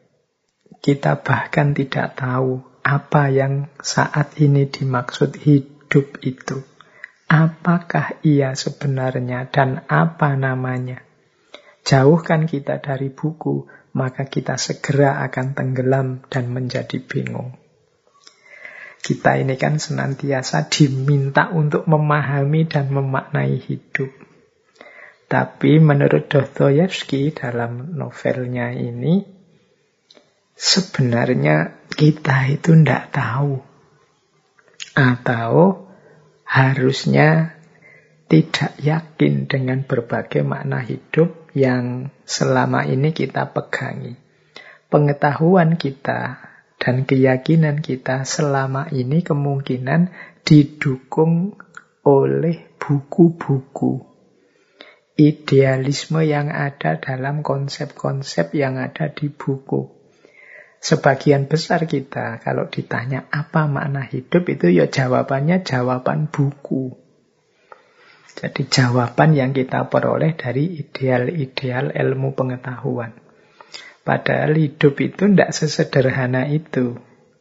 Makanya dalam quotes ini, jauhkan kita dari buku-buku, maka kita akan segera tenggelam dan menjadi bingung. Seandainya semua konsep dari buku-buku itu kita buang, terus kita membaca sendiri hidup ini, mungkin kita ya terus jadi bingung. Kenapa bingung? Karena hidup ini tidak seseragam yang kita bayangkan. Hidup ini tidak semonoton, tidak sepasti apa yang diuraikan oleh buku-buku. Jadi ini kalimat yang pertama menunjukkan ya memang hidup ini absurd, tidak terlalu jelas. Makna apa pun yang kita pegangi, ya ada relevannya, ada juga sisi tidak cocoknya dengan hidup ini. Nah, jadi yang pertama itu. Yang kedua, ini ada kalimat yang menunjukkan keabsutan. Ini lebih jelas lagi. Ini saya ambil dari The Brother Karamazov. Kata Dostoyevsky, dunia berkata, engkau punya keinginan, penuhilah. Engkau memiliki hak yang sama seperti orang kaya dan orang-orang besar. Bahkan jangan terburu-buru memenuhi keinginanmu, tapi perluaslah keinginanmu dan tuntutanmu. Inilah doktrin dunia hari ini. Dan mereka percaya inilah kebebasan. Hasilnya adalah yang kaya terisolasi dan bunuh diri, sedang yang miskin cemburu dan akhirnya membunuh. Jadi, ya hidup ini memang dasarnya keinginan. Kita selalu kejarlah keinginanmu, kejarlah cita-citamu setinggi mungkin. Ayo dikembangkan terus cita-cita kita, jangan mandek. Itu kan yang sering kita dengar, nasihat-nasihat, motivasi-motivasi. Kata Dostoyevsky, ya, ya ini doktrinnya dunia hari ini. Manusia dipaksa untuk maju, bergerak terus mengejar keinginannya, bahkan Seandainya keinginan hari ini terpenuhi, ya matok lagi keinginan lebih jauh, keinginan lebih jauh. Hasilnya apa? Doktrin semacam ini yang kaya pada akhirnya terisolasi dan bunuh diri. Mengapa? Ya dia tambah kaya, tambah kaya, tambah asing dari realitasnya. Dia kehilangan sisi kemanusiaannya. Mungkin dia jemu, dia jenuh dengan hidupnya. Jadi banyak orang mengejar-ngejar kesuksesan, keberhasilan, begitu sukses dan berhasil, dia sendiri malah jemu dan jenuh dengan hidupnya. Makanya banyak kan cerita-cerita orang besar, artis yang harusnya dia sangat bahagia. Banyak orang lain mimpi ingin seperti dia, tapi dia sendiri malah bunuh diri. Kenapa dia merasa asing dari dirinya sendiri? Dia terisolasi. Sejak muda mungkin dia dicekoi, ayo ngejar cita-cita, mengejar mimpi. Begitu teraih benar mimpi itu, dia justru merasa hampa. Maka kalimatnya Dostoyevsky, yang kaya terisolasi dan bunuh diri. Sementara yang miskin cemburu dia lihat orang-orang kaya. Wah aku kok nggak bisa yang mencapai keinginanku. Aku nggak pingin kaya, nggak bisa. Pingin sukses, nggak bisa. Dia cemburu. Lihat yang lain sukses, yang lain kaya. Akhirnya ya membunuh, merusak. Mencari jalan paling singkat untuk menemukan kekayaan. Jadi inilah absurdnya hidup. Kita diminta untuk bercita-cita tinggi, tapi yang sukses meraih cita-cita justru jemu, bosan, bahkan bunuh diri. Yang tidak sukses meraih cita-cita cemburu, galau, gelisah, bahkan membunuh orang, merusak, dan lain sebagainya. Nah, ini gambaran dari The Brother Karamazov. Ini menggambarkan betapa hidup ini absurd. Nah, bahkan ada lagi ini ada quotes ketiga menunjukkan absurdnya hidup. Saya ambil dari The Idiot. Aku pikir kalau seseorang menghadapi satu kerusakan yang tidak terhindarkan, misalnya satu rumah ambruk menimpa dirinya, ia akan mencari tempat duduk, menunggu sambil memejamkan mata hingga tibalah apa yang akan tiba. Ini juga absurdnya manusia. Manusia itu ya secara natural dia menghindari rasa sulit, tidak suka dengan penderitaan, dan lain sebagainya. Tapi kadang-kadang kita ketika sudah jelas akan menderita, sudah jelas akan sulit, kita malah diam saja. Ini paradoknya manusia. Kita tahu loh yang kita lakukan ini nanti efeknya mungkin membuat kita menderita. Tapi ya sudah kita jalan saja karena kita punya pamrihnya. Apa pun yang kita putuskan itu kan selalu ada positifnya, selalu ada negatifnya. Biasanya kita hanya siap dengan yang positifnya. Kalau yang negatifnya datang, ya mau tidak mau, siap tidak siap, kita harusnya menerima. Ini digambarkan oleh Dostoyevsky seandainya kita duduk di dalam rumah, terus lihat rumahnya mau rambruk menimpa kita, itu orang itu kadang malah diam, menutup mata, nunggu keambruan beneran. Jadi kadang-kadang kan kita begitu ya, ada momen di mana misalnya kita mau mengalami bencana, itu malah tidak lari, tapi Mungkin memejamkan mata, mungkin teriak saja, mungkin diam saja begitu, bengong sampai musibah itu benar datang. Jadi akhirnya kita tertimpa beneran oleh musibah itu. Loh ini loh paradoknya manusia. Di momen ketika dia harus segera lari, dia malah diam. Di momen ketika dia diam, kadang-kadang dia malah kemerungsung lari. Ini absurdnya hidup. Jadi yaitu ilustrasinya ya orang yang mau keruntuhan rumah. Kita mungkin sering begitu ya. Misalnya mau apa gitu, mau kena apa, sudah jelas-jelas mau nyampe ke kita, kita biasanya terus malah diam, memejamkan mata sampai kena beneran. Nah itulah absurdnya hidup ini. Kita tahu kalau kita jatuh cinta, ada kemungkinan patah hati. Tapi kan kita lebih suka melihat senengnya mencintai daripada pahitnya patah hati. Begitu patah hatinya datang, yo mau tidak mau kita terima seperti orang yang agak melongo tadi, termangu ketika datangnya musibah. Itu bagian dari absurditas dalam hidup. Baik, kita jelajahi lagi ya ke isu eksistensial yang lain. Ada isu ketakutan tadi kan ya, kegelisahan.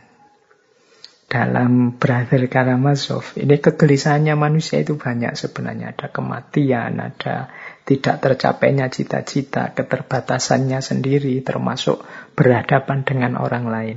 Tapi dalam Brother Karamazov ini saya nemu kalimat yang menarik tentang ketakutannya manusia ini. Misalnya begini, kata Dostoyevsky, hari ini hampir semua orang yang memiliki kapasitas sangat takut untuk terlihat konyol dan menderita karenanya. Nah, jadi ini menarik, ini menunjukkan orang itu Semakin tinggi, semakin sukses, itu ketakutan-ketakutannya semakin banyak. Bahkan ketakutan-ketakutan terhadap hal-hal yang tidak penting. Misalnya ya, dulu waktu kita mungkin masih tidak punya apa-apa, mungkin masih hitunglah masih miskin, uang juga tidak terlalu banyak urusan kostum, urusan baju itu yang penting bersih, yang penting belum jelek ya tetap kita pakai. Tetapi begitu uang banyak mungkin kita cukup untuk beli baju yang kelas-kelas 100, 200 sampai 1 juta mampu misalnya. Nah kita mulai sudah. Tidak sekedar baju bersih tapi mungkin baju yang pantas, baju yang baru baju yang bisa buat mejeng, bisa buat... Nah, itu sudah standarnya berbeda. Apalagi kita yang kaya raya sama sekali, sudah. Kadang baju itu kan sekali pakai, malu kita pakai lagi untuk yang kedua kalinya. Kita takut dianggap orang, masa orang kaya bajunya tidak ganti, dan lain sebagainya. Ketakutan-ketakutan terhadap hal-hal yang konyol. Kita terlihat konyol itu tidak mau, dan kita menderita kalau mengalami hal itu.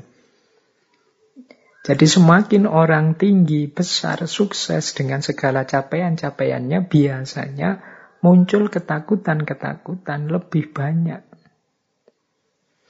Ya sering kan di beberapa tokoh, misalnya dulu tokoh stoik itu dalam stoikisme.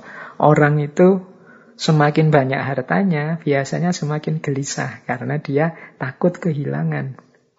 Orang yang tidak punya apa-apa, ya tidak terlalu gelisah, ya takut apa, kehilangan apa.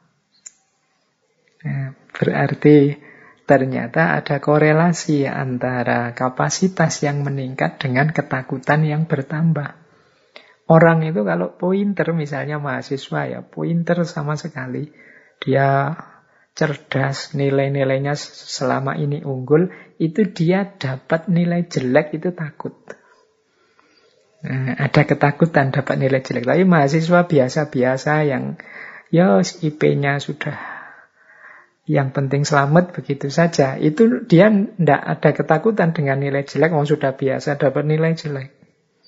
Jadi jumlah ketakutannya lebih sedikit. Kalau yang pinter kan Wah kalau nanti saya tidak lulus tepat waktu malu aku. Kalau IPK ku tidak tiga di atas lima malu aku. Kalau itu kan banyak ketakutan-ketakutannya. Sementara yang biasa-biasa atau yang cenderung tidak pinter sudah eh Allah yang penting lulus. Tidak masalah, tidak harus tepat waktu, tidak harus IPK tinggi, yang penting lulus Alhamdulillah. Ketakutannya jauh lebih sedikit. Ya, ya termasuk antara yang ganteng dengan yang biasa-biasa, yang cantik dengan yang biasa-biasa. Itu pasti ketakutan-ketakutannya berbeda. Nah, dalam Berakhir Karamazov ini Dostoyevsky mengilustrasikan bagaimana orang yang punya kapasitas itu takut terlihat konyol dan menderita. Padahal ya terlihat konyol bukan berarti konyol. Hanya kelihatannya saja. Ya karena memang capaiannya mungkin tinggi sehingga ketakutan-ketakutannya lebih banyak. Nah, ini mungkin menarik ya untuk kita bahan introspeksi lebih lanjut. Baik, saya lanjutkan biar agak banyak karena kelihatannya materinya masih banyak. Waktu kita agak terbatas. Nah, kita lihat sekarang pandangannya Dostoyevsky antara lain ya tentang rasionalitas, intelektualitas. Yang pertama, ini kalimat saya ambil dari Crime and Punishment. Kata Dostoyevsky, akal adalah budaknya perasaan. Nah, ini menarik ya, ini pandangan tokoh eksistensialis mirip dengan pandangan para sufi, misalnya Imam Ghazali. Akal itu hanya suruhannya hati, meskipun Imam Ghazali menyebutnya panglima perangnya. Dia hanya pasukannya. Rajanya siapa yang menyuruh-nyuruh? Hati, kolep. Kalau pakai istilahnya Dostoyevsky ini, akal itu budaknya perasaan. Perasaan kita menuju ke mana, orientasinya apa, yo akal akan mengikuti ke sana. Jadi akal bukan penentu. Kita itu senang dulu biasanya terus akalnya datang untuk memberi pembenaran terhadap apa yang kita suka. Atau tidak suka dulu. Jadi aku tidak suka dulu dengan orang itu. Nah, terus baru akalnya datang untuk memberi justifikasi, memberi alasan-alasan argumen aku tidak suka itu apa. Bukan karena ada alasan-alasan ini terus aku tidak suka. Tidak terbalik prosesnya. Karena aku tidak suka maka aku cari alasan-alasan yang membenarkan ketidaksukaanku. Jadi akal itu budaknya perasaan. Kalau pakai dalil ini maka teman-teman ya tidak usah kaget. Kalau ada konflik-konflik dalam media sosial, antar komentar, antar postingan itu sering tabrakan ya memang perasaan orang, selera orang beda-beda. Akalnya itu belakangan. Orang itu suka dulu, terus baru kemudian argumen dasar, alasan, bukti itu mendukung rasa suka dan tidak suka ini. Kalau kita sudah suka pada orang, itu kan terus akal kita kerja mencari baiknya orang ini apa saja. Sebaliknya kalau kita tidak suka pada seseorang juga begitu. Akal kita akan bekerja mencari jeleknya orang ini apa saja. Nah, kalau kita sedang patah hati misalnya, yuk akal akan bekerja mencari apa yang kita butuhkan, apa yang kita inginkan dalam hati kita yang patah. Mungkin kita nyari pelampiasan, mungkin kita mencari pembenaran dari hati kita yang patah, mungkin kita dan lain sebagainya. Nah, itulah makanya akal itu budaknya perasaan. Yang kedua, Ini masih tentang intelektualitas, rasio. Kata Dostoyevsky, rasa sakit dan penderitaan selalu tidak terhindarkan bagi pemikir yang besar dan perasa yang mendalam. Menurutku, orang-orang besar pastilah menanggung kesedihan terbesar di muka bumi ini. Nah, ini saya lanjutkan ya, pernyataan ini nyambung dengan quotes dari Notes from Underground. Ada kalimat begini, terlalu banyak berpikir itu penyakit. Kadang-kadang dalam hidup ini justru orang yang merasa sakit lebih besar, orang yang menderita, itu mereka yang pinter, yang banyak berpikir. Orang yang tidak terlalu banyak berpikir, ya dia tidak terlalu gelisah tentang hidup ini. Hidup ini dijalani saja, dinikmati saja sesuai dorongan-dorongan dirinya.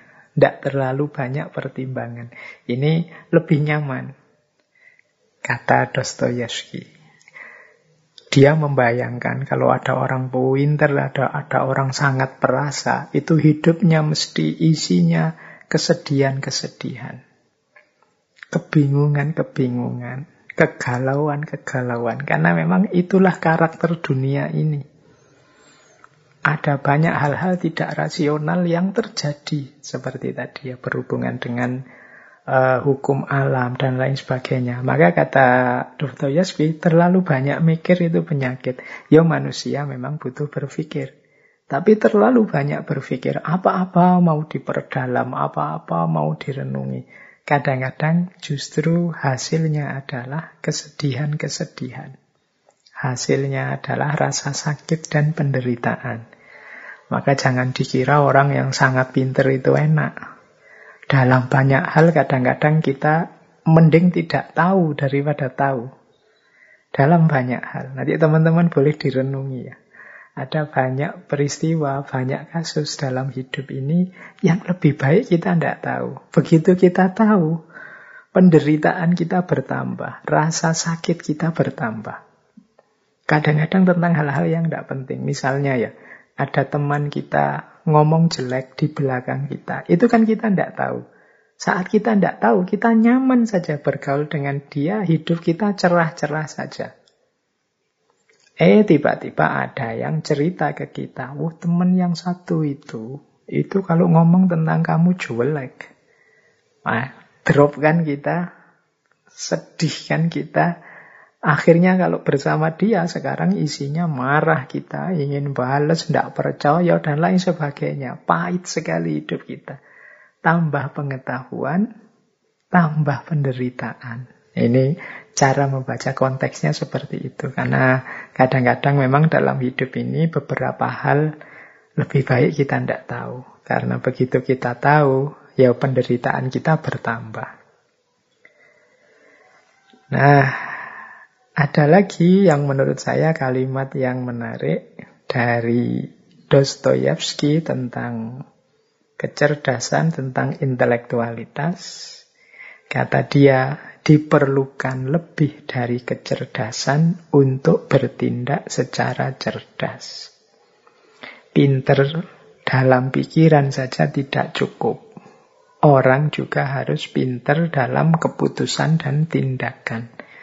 Pinter dalam keputusan dan tindakan inilah nanti yang dalam filsafat sering kita sebut bijaksana. Jadi berpikir rasional saja berpikir kritis saja tidak cukup. Kita perlu berpikir yang bijaksana.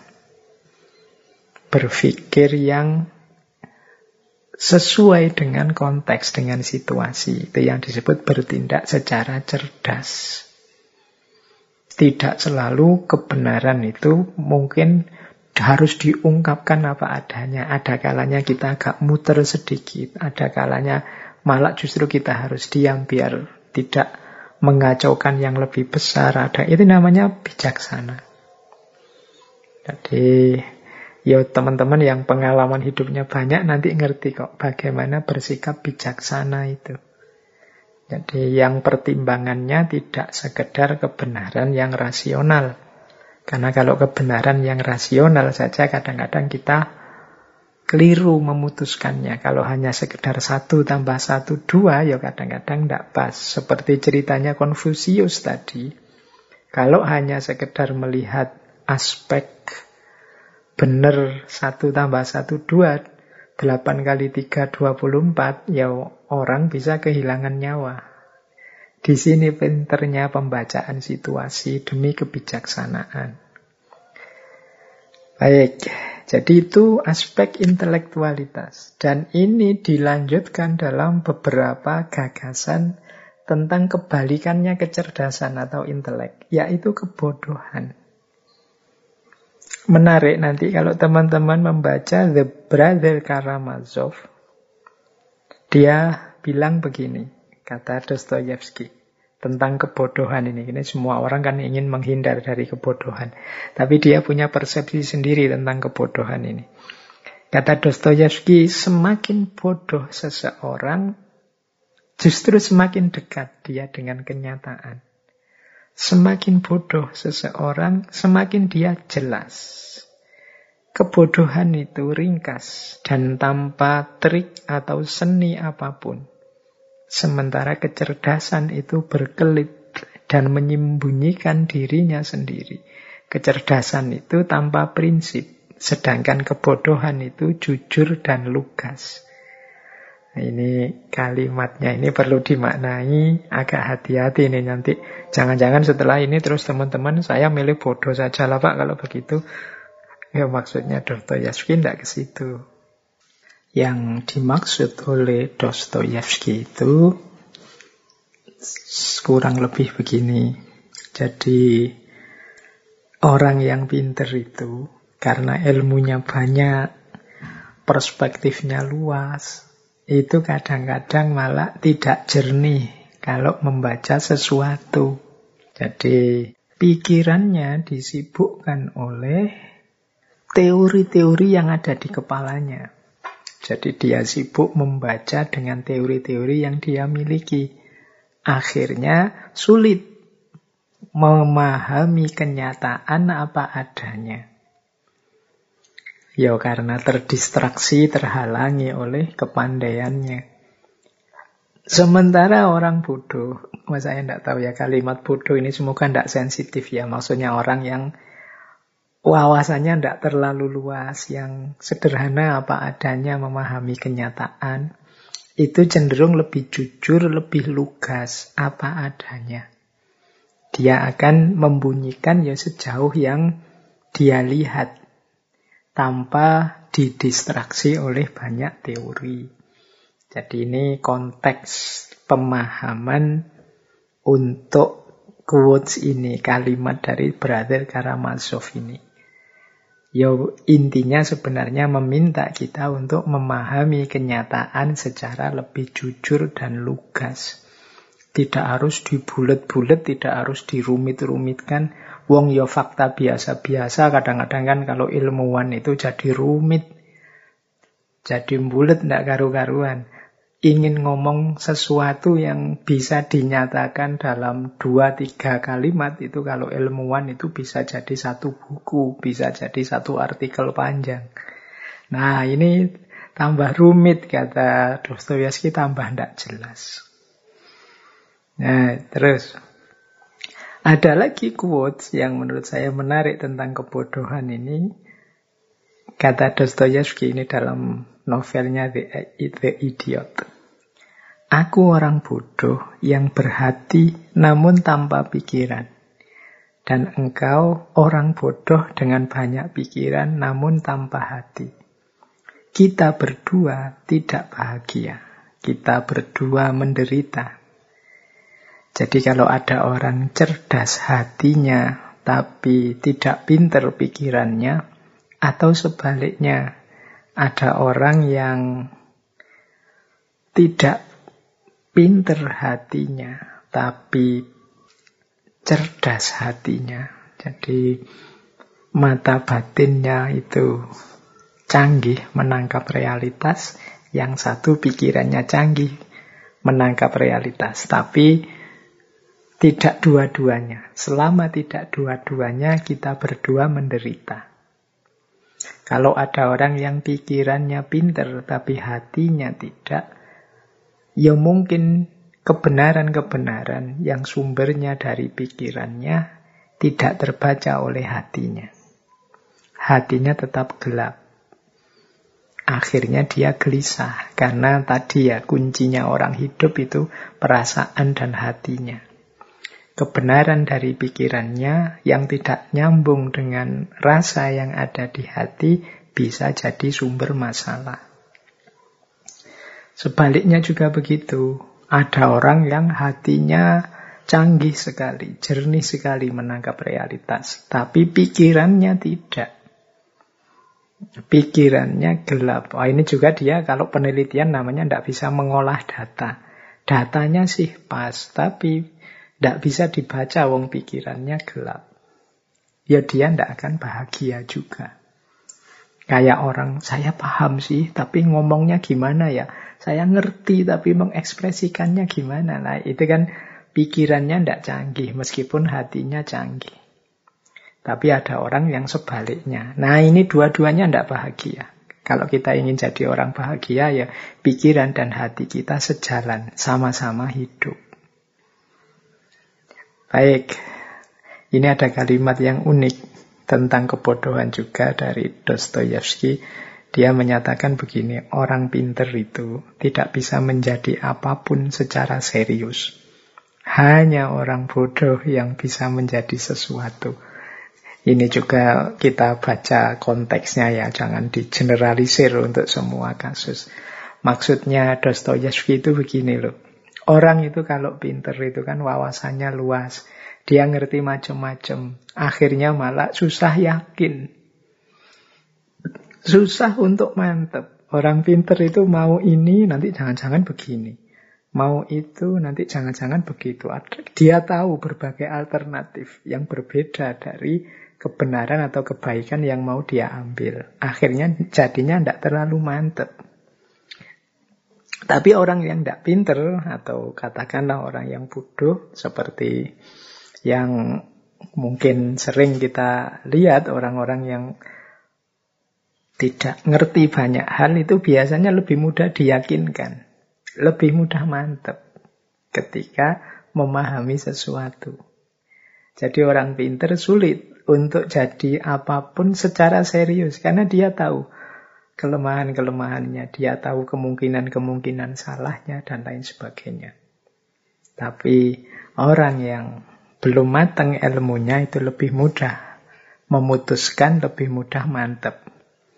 Makanya kadang-kadang ini kadang-kadang ya ada orang itu sampai umurnya banyak sekali, ilmunya mateng. Itu malah sulit untuk menemukan jodoh menikah. Mungkin karena mikirnya panjang.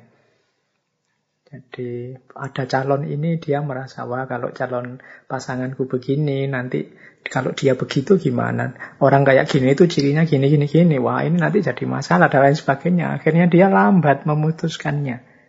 Dibandingkan mungkin anak-anak muda yang belum banyak ngerti apa-apa, yang penting jatuh cinta terus pingin kawin, pertimbangannya tidak terlalu panjang. Oh itu lebih mantap menjalani pernikahan. Ini contoh saja ilustrasi kasar-kasaran ya. Jadi itu yang dimaksud dari quotes ini tentang kebodohan dan kepintaran. Jadi orang pinter itu ya bagus sih, luar biasa. Tapi kadang-kadang secara praktis mereka ini tidak mantep.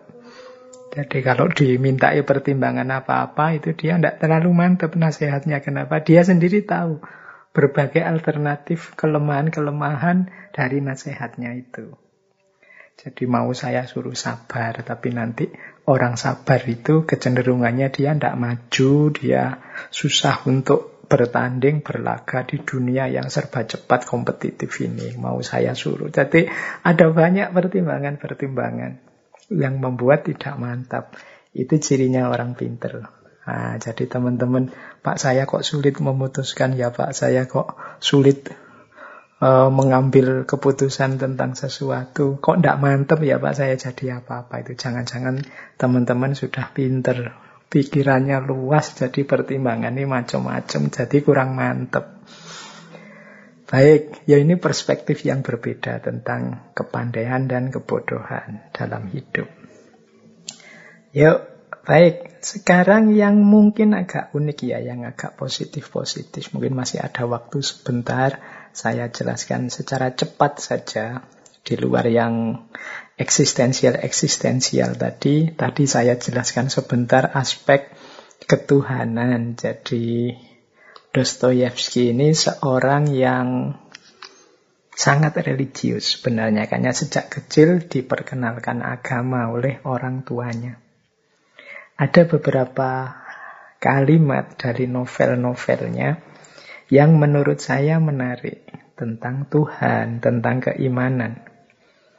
Kata Dostoyevsky misalnya begini, apa yang aneh dan ajaib itu bukanlah bahwa Tuhan itu benar-benar ada atau tidak, tapi yang luar biasa adalah bahwa ide semacam itu, ide bahwa Tuhan itu pasti ada secara niscaya, dapat muncul di kepala makhluk yang biadab, yang kejam, yang buas seperti manusia.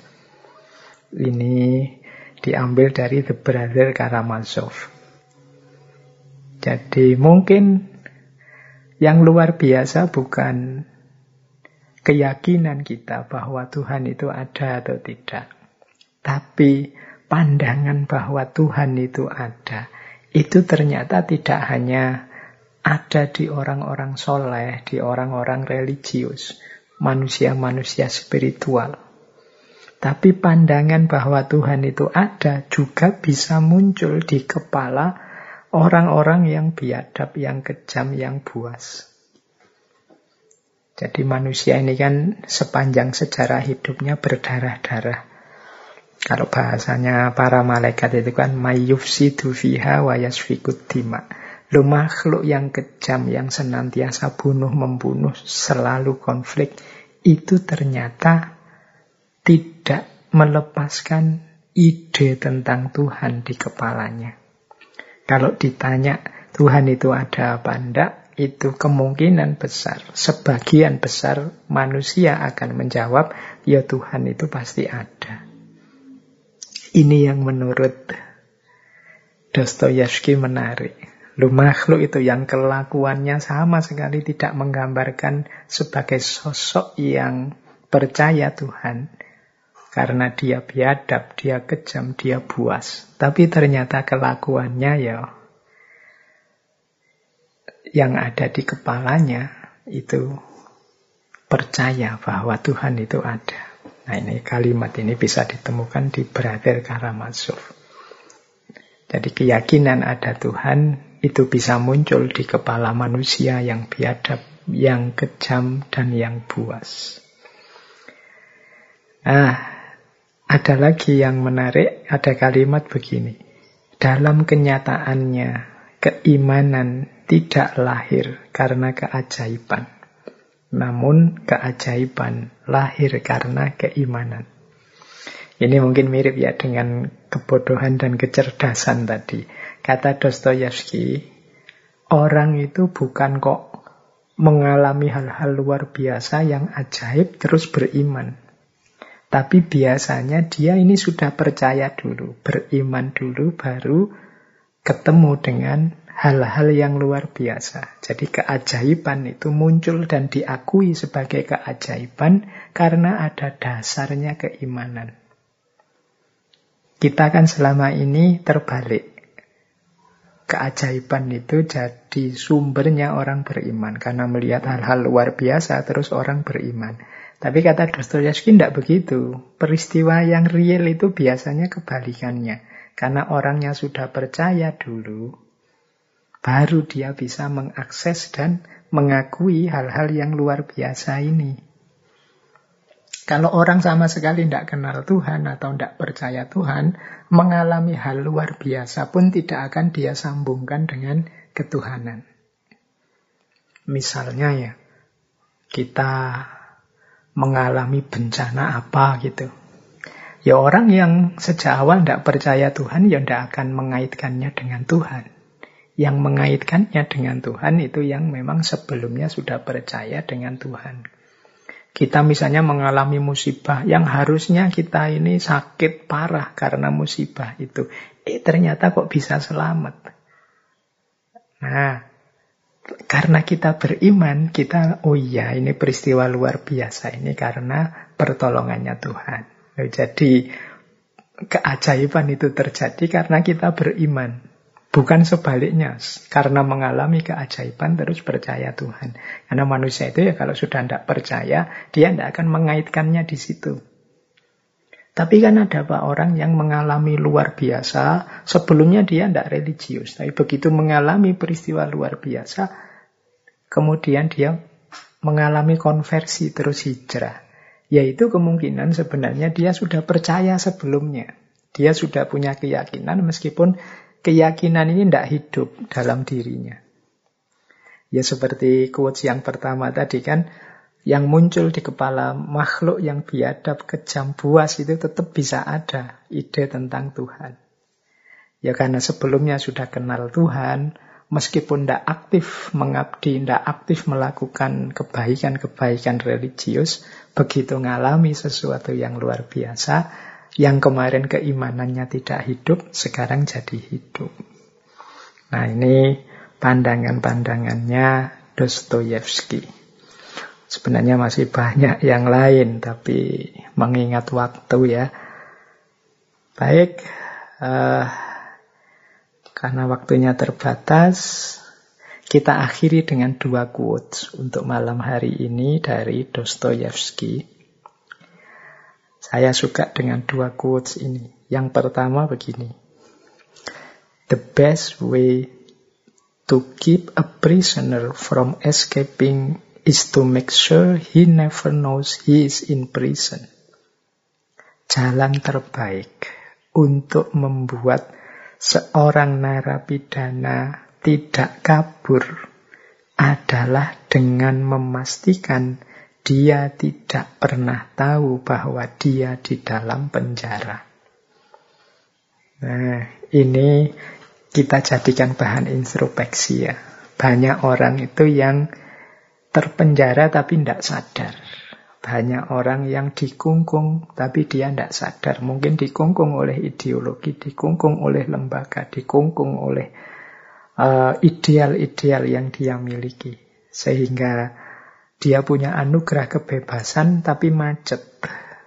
Macet itu tidak pernah dia gunakan. Hidupnya tenggelam dalam ide-ide organisasi-organisasi, kelompok-kelompok di mana dia berafiliasi.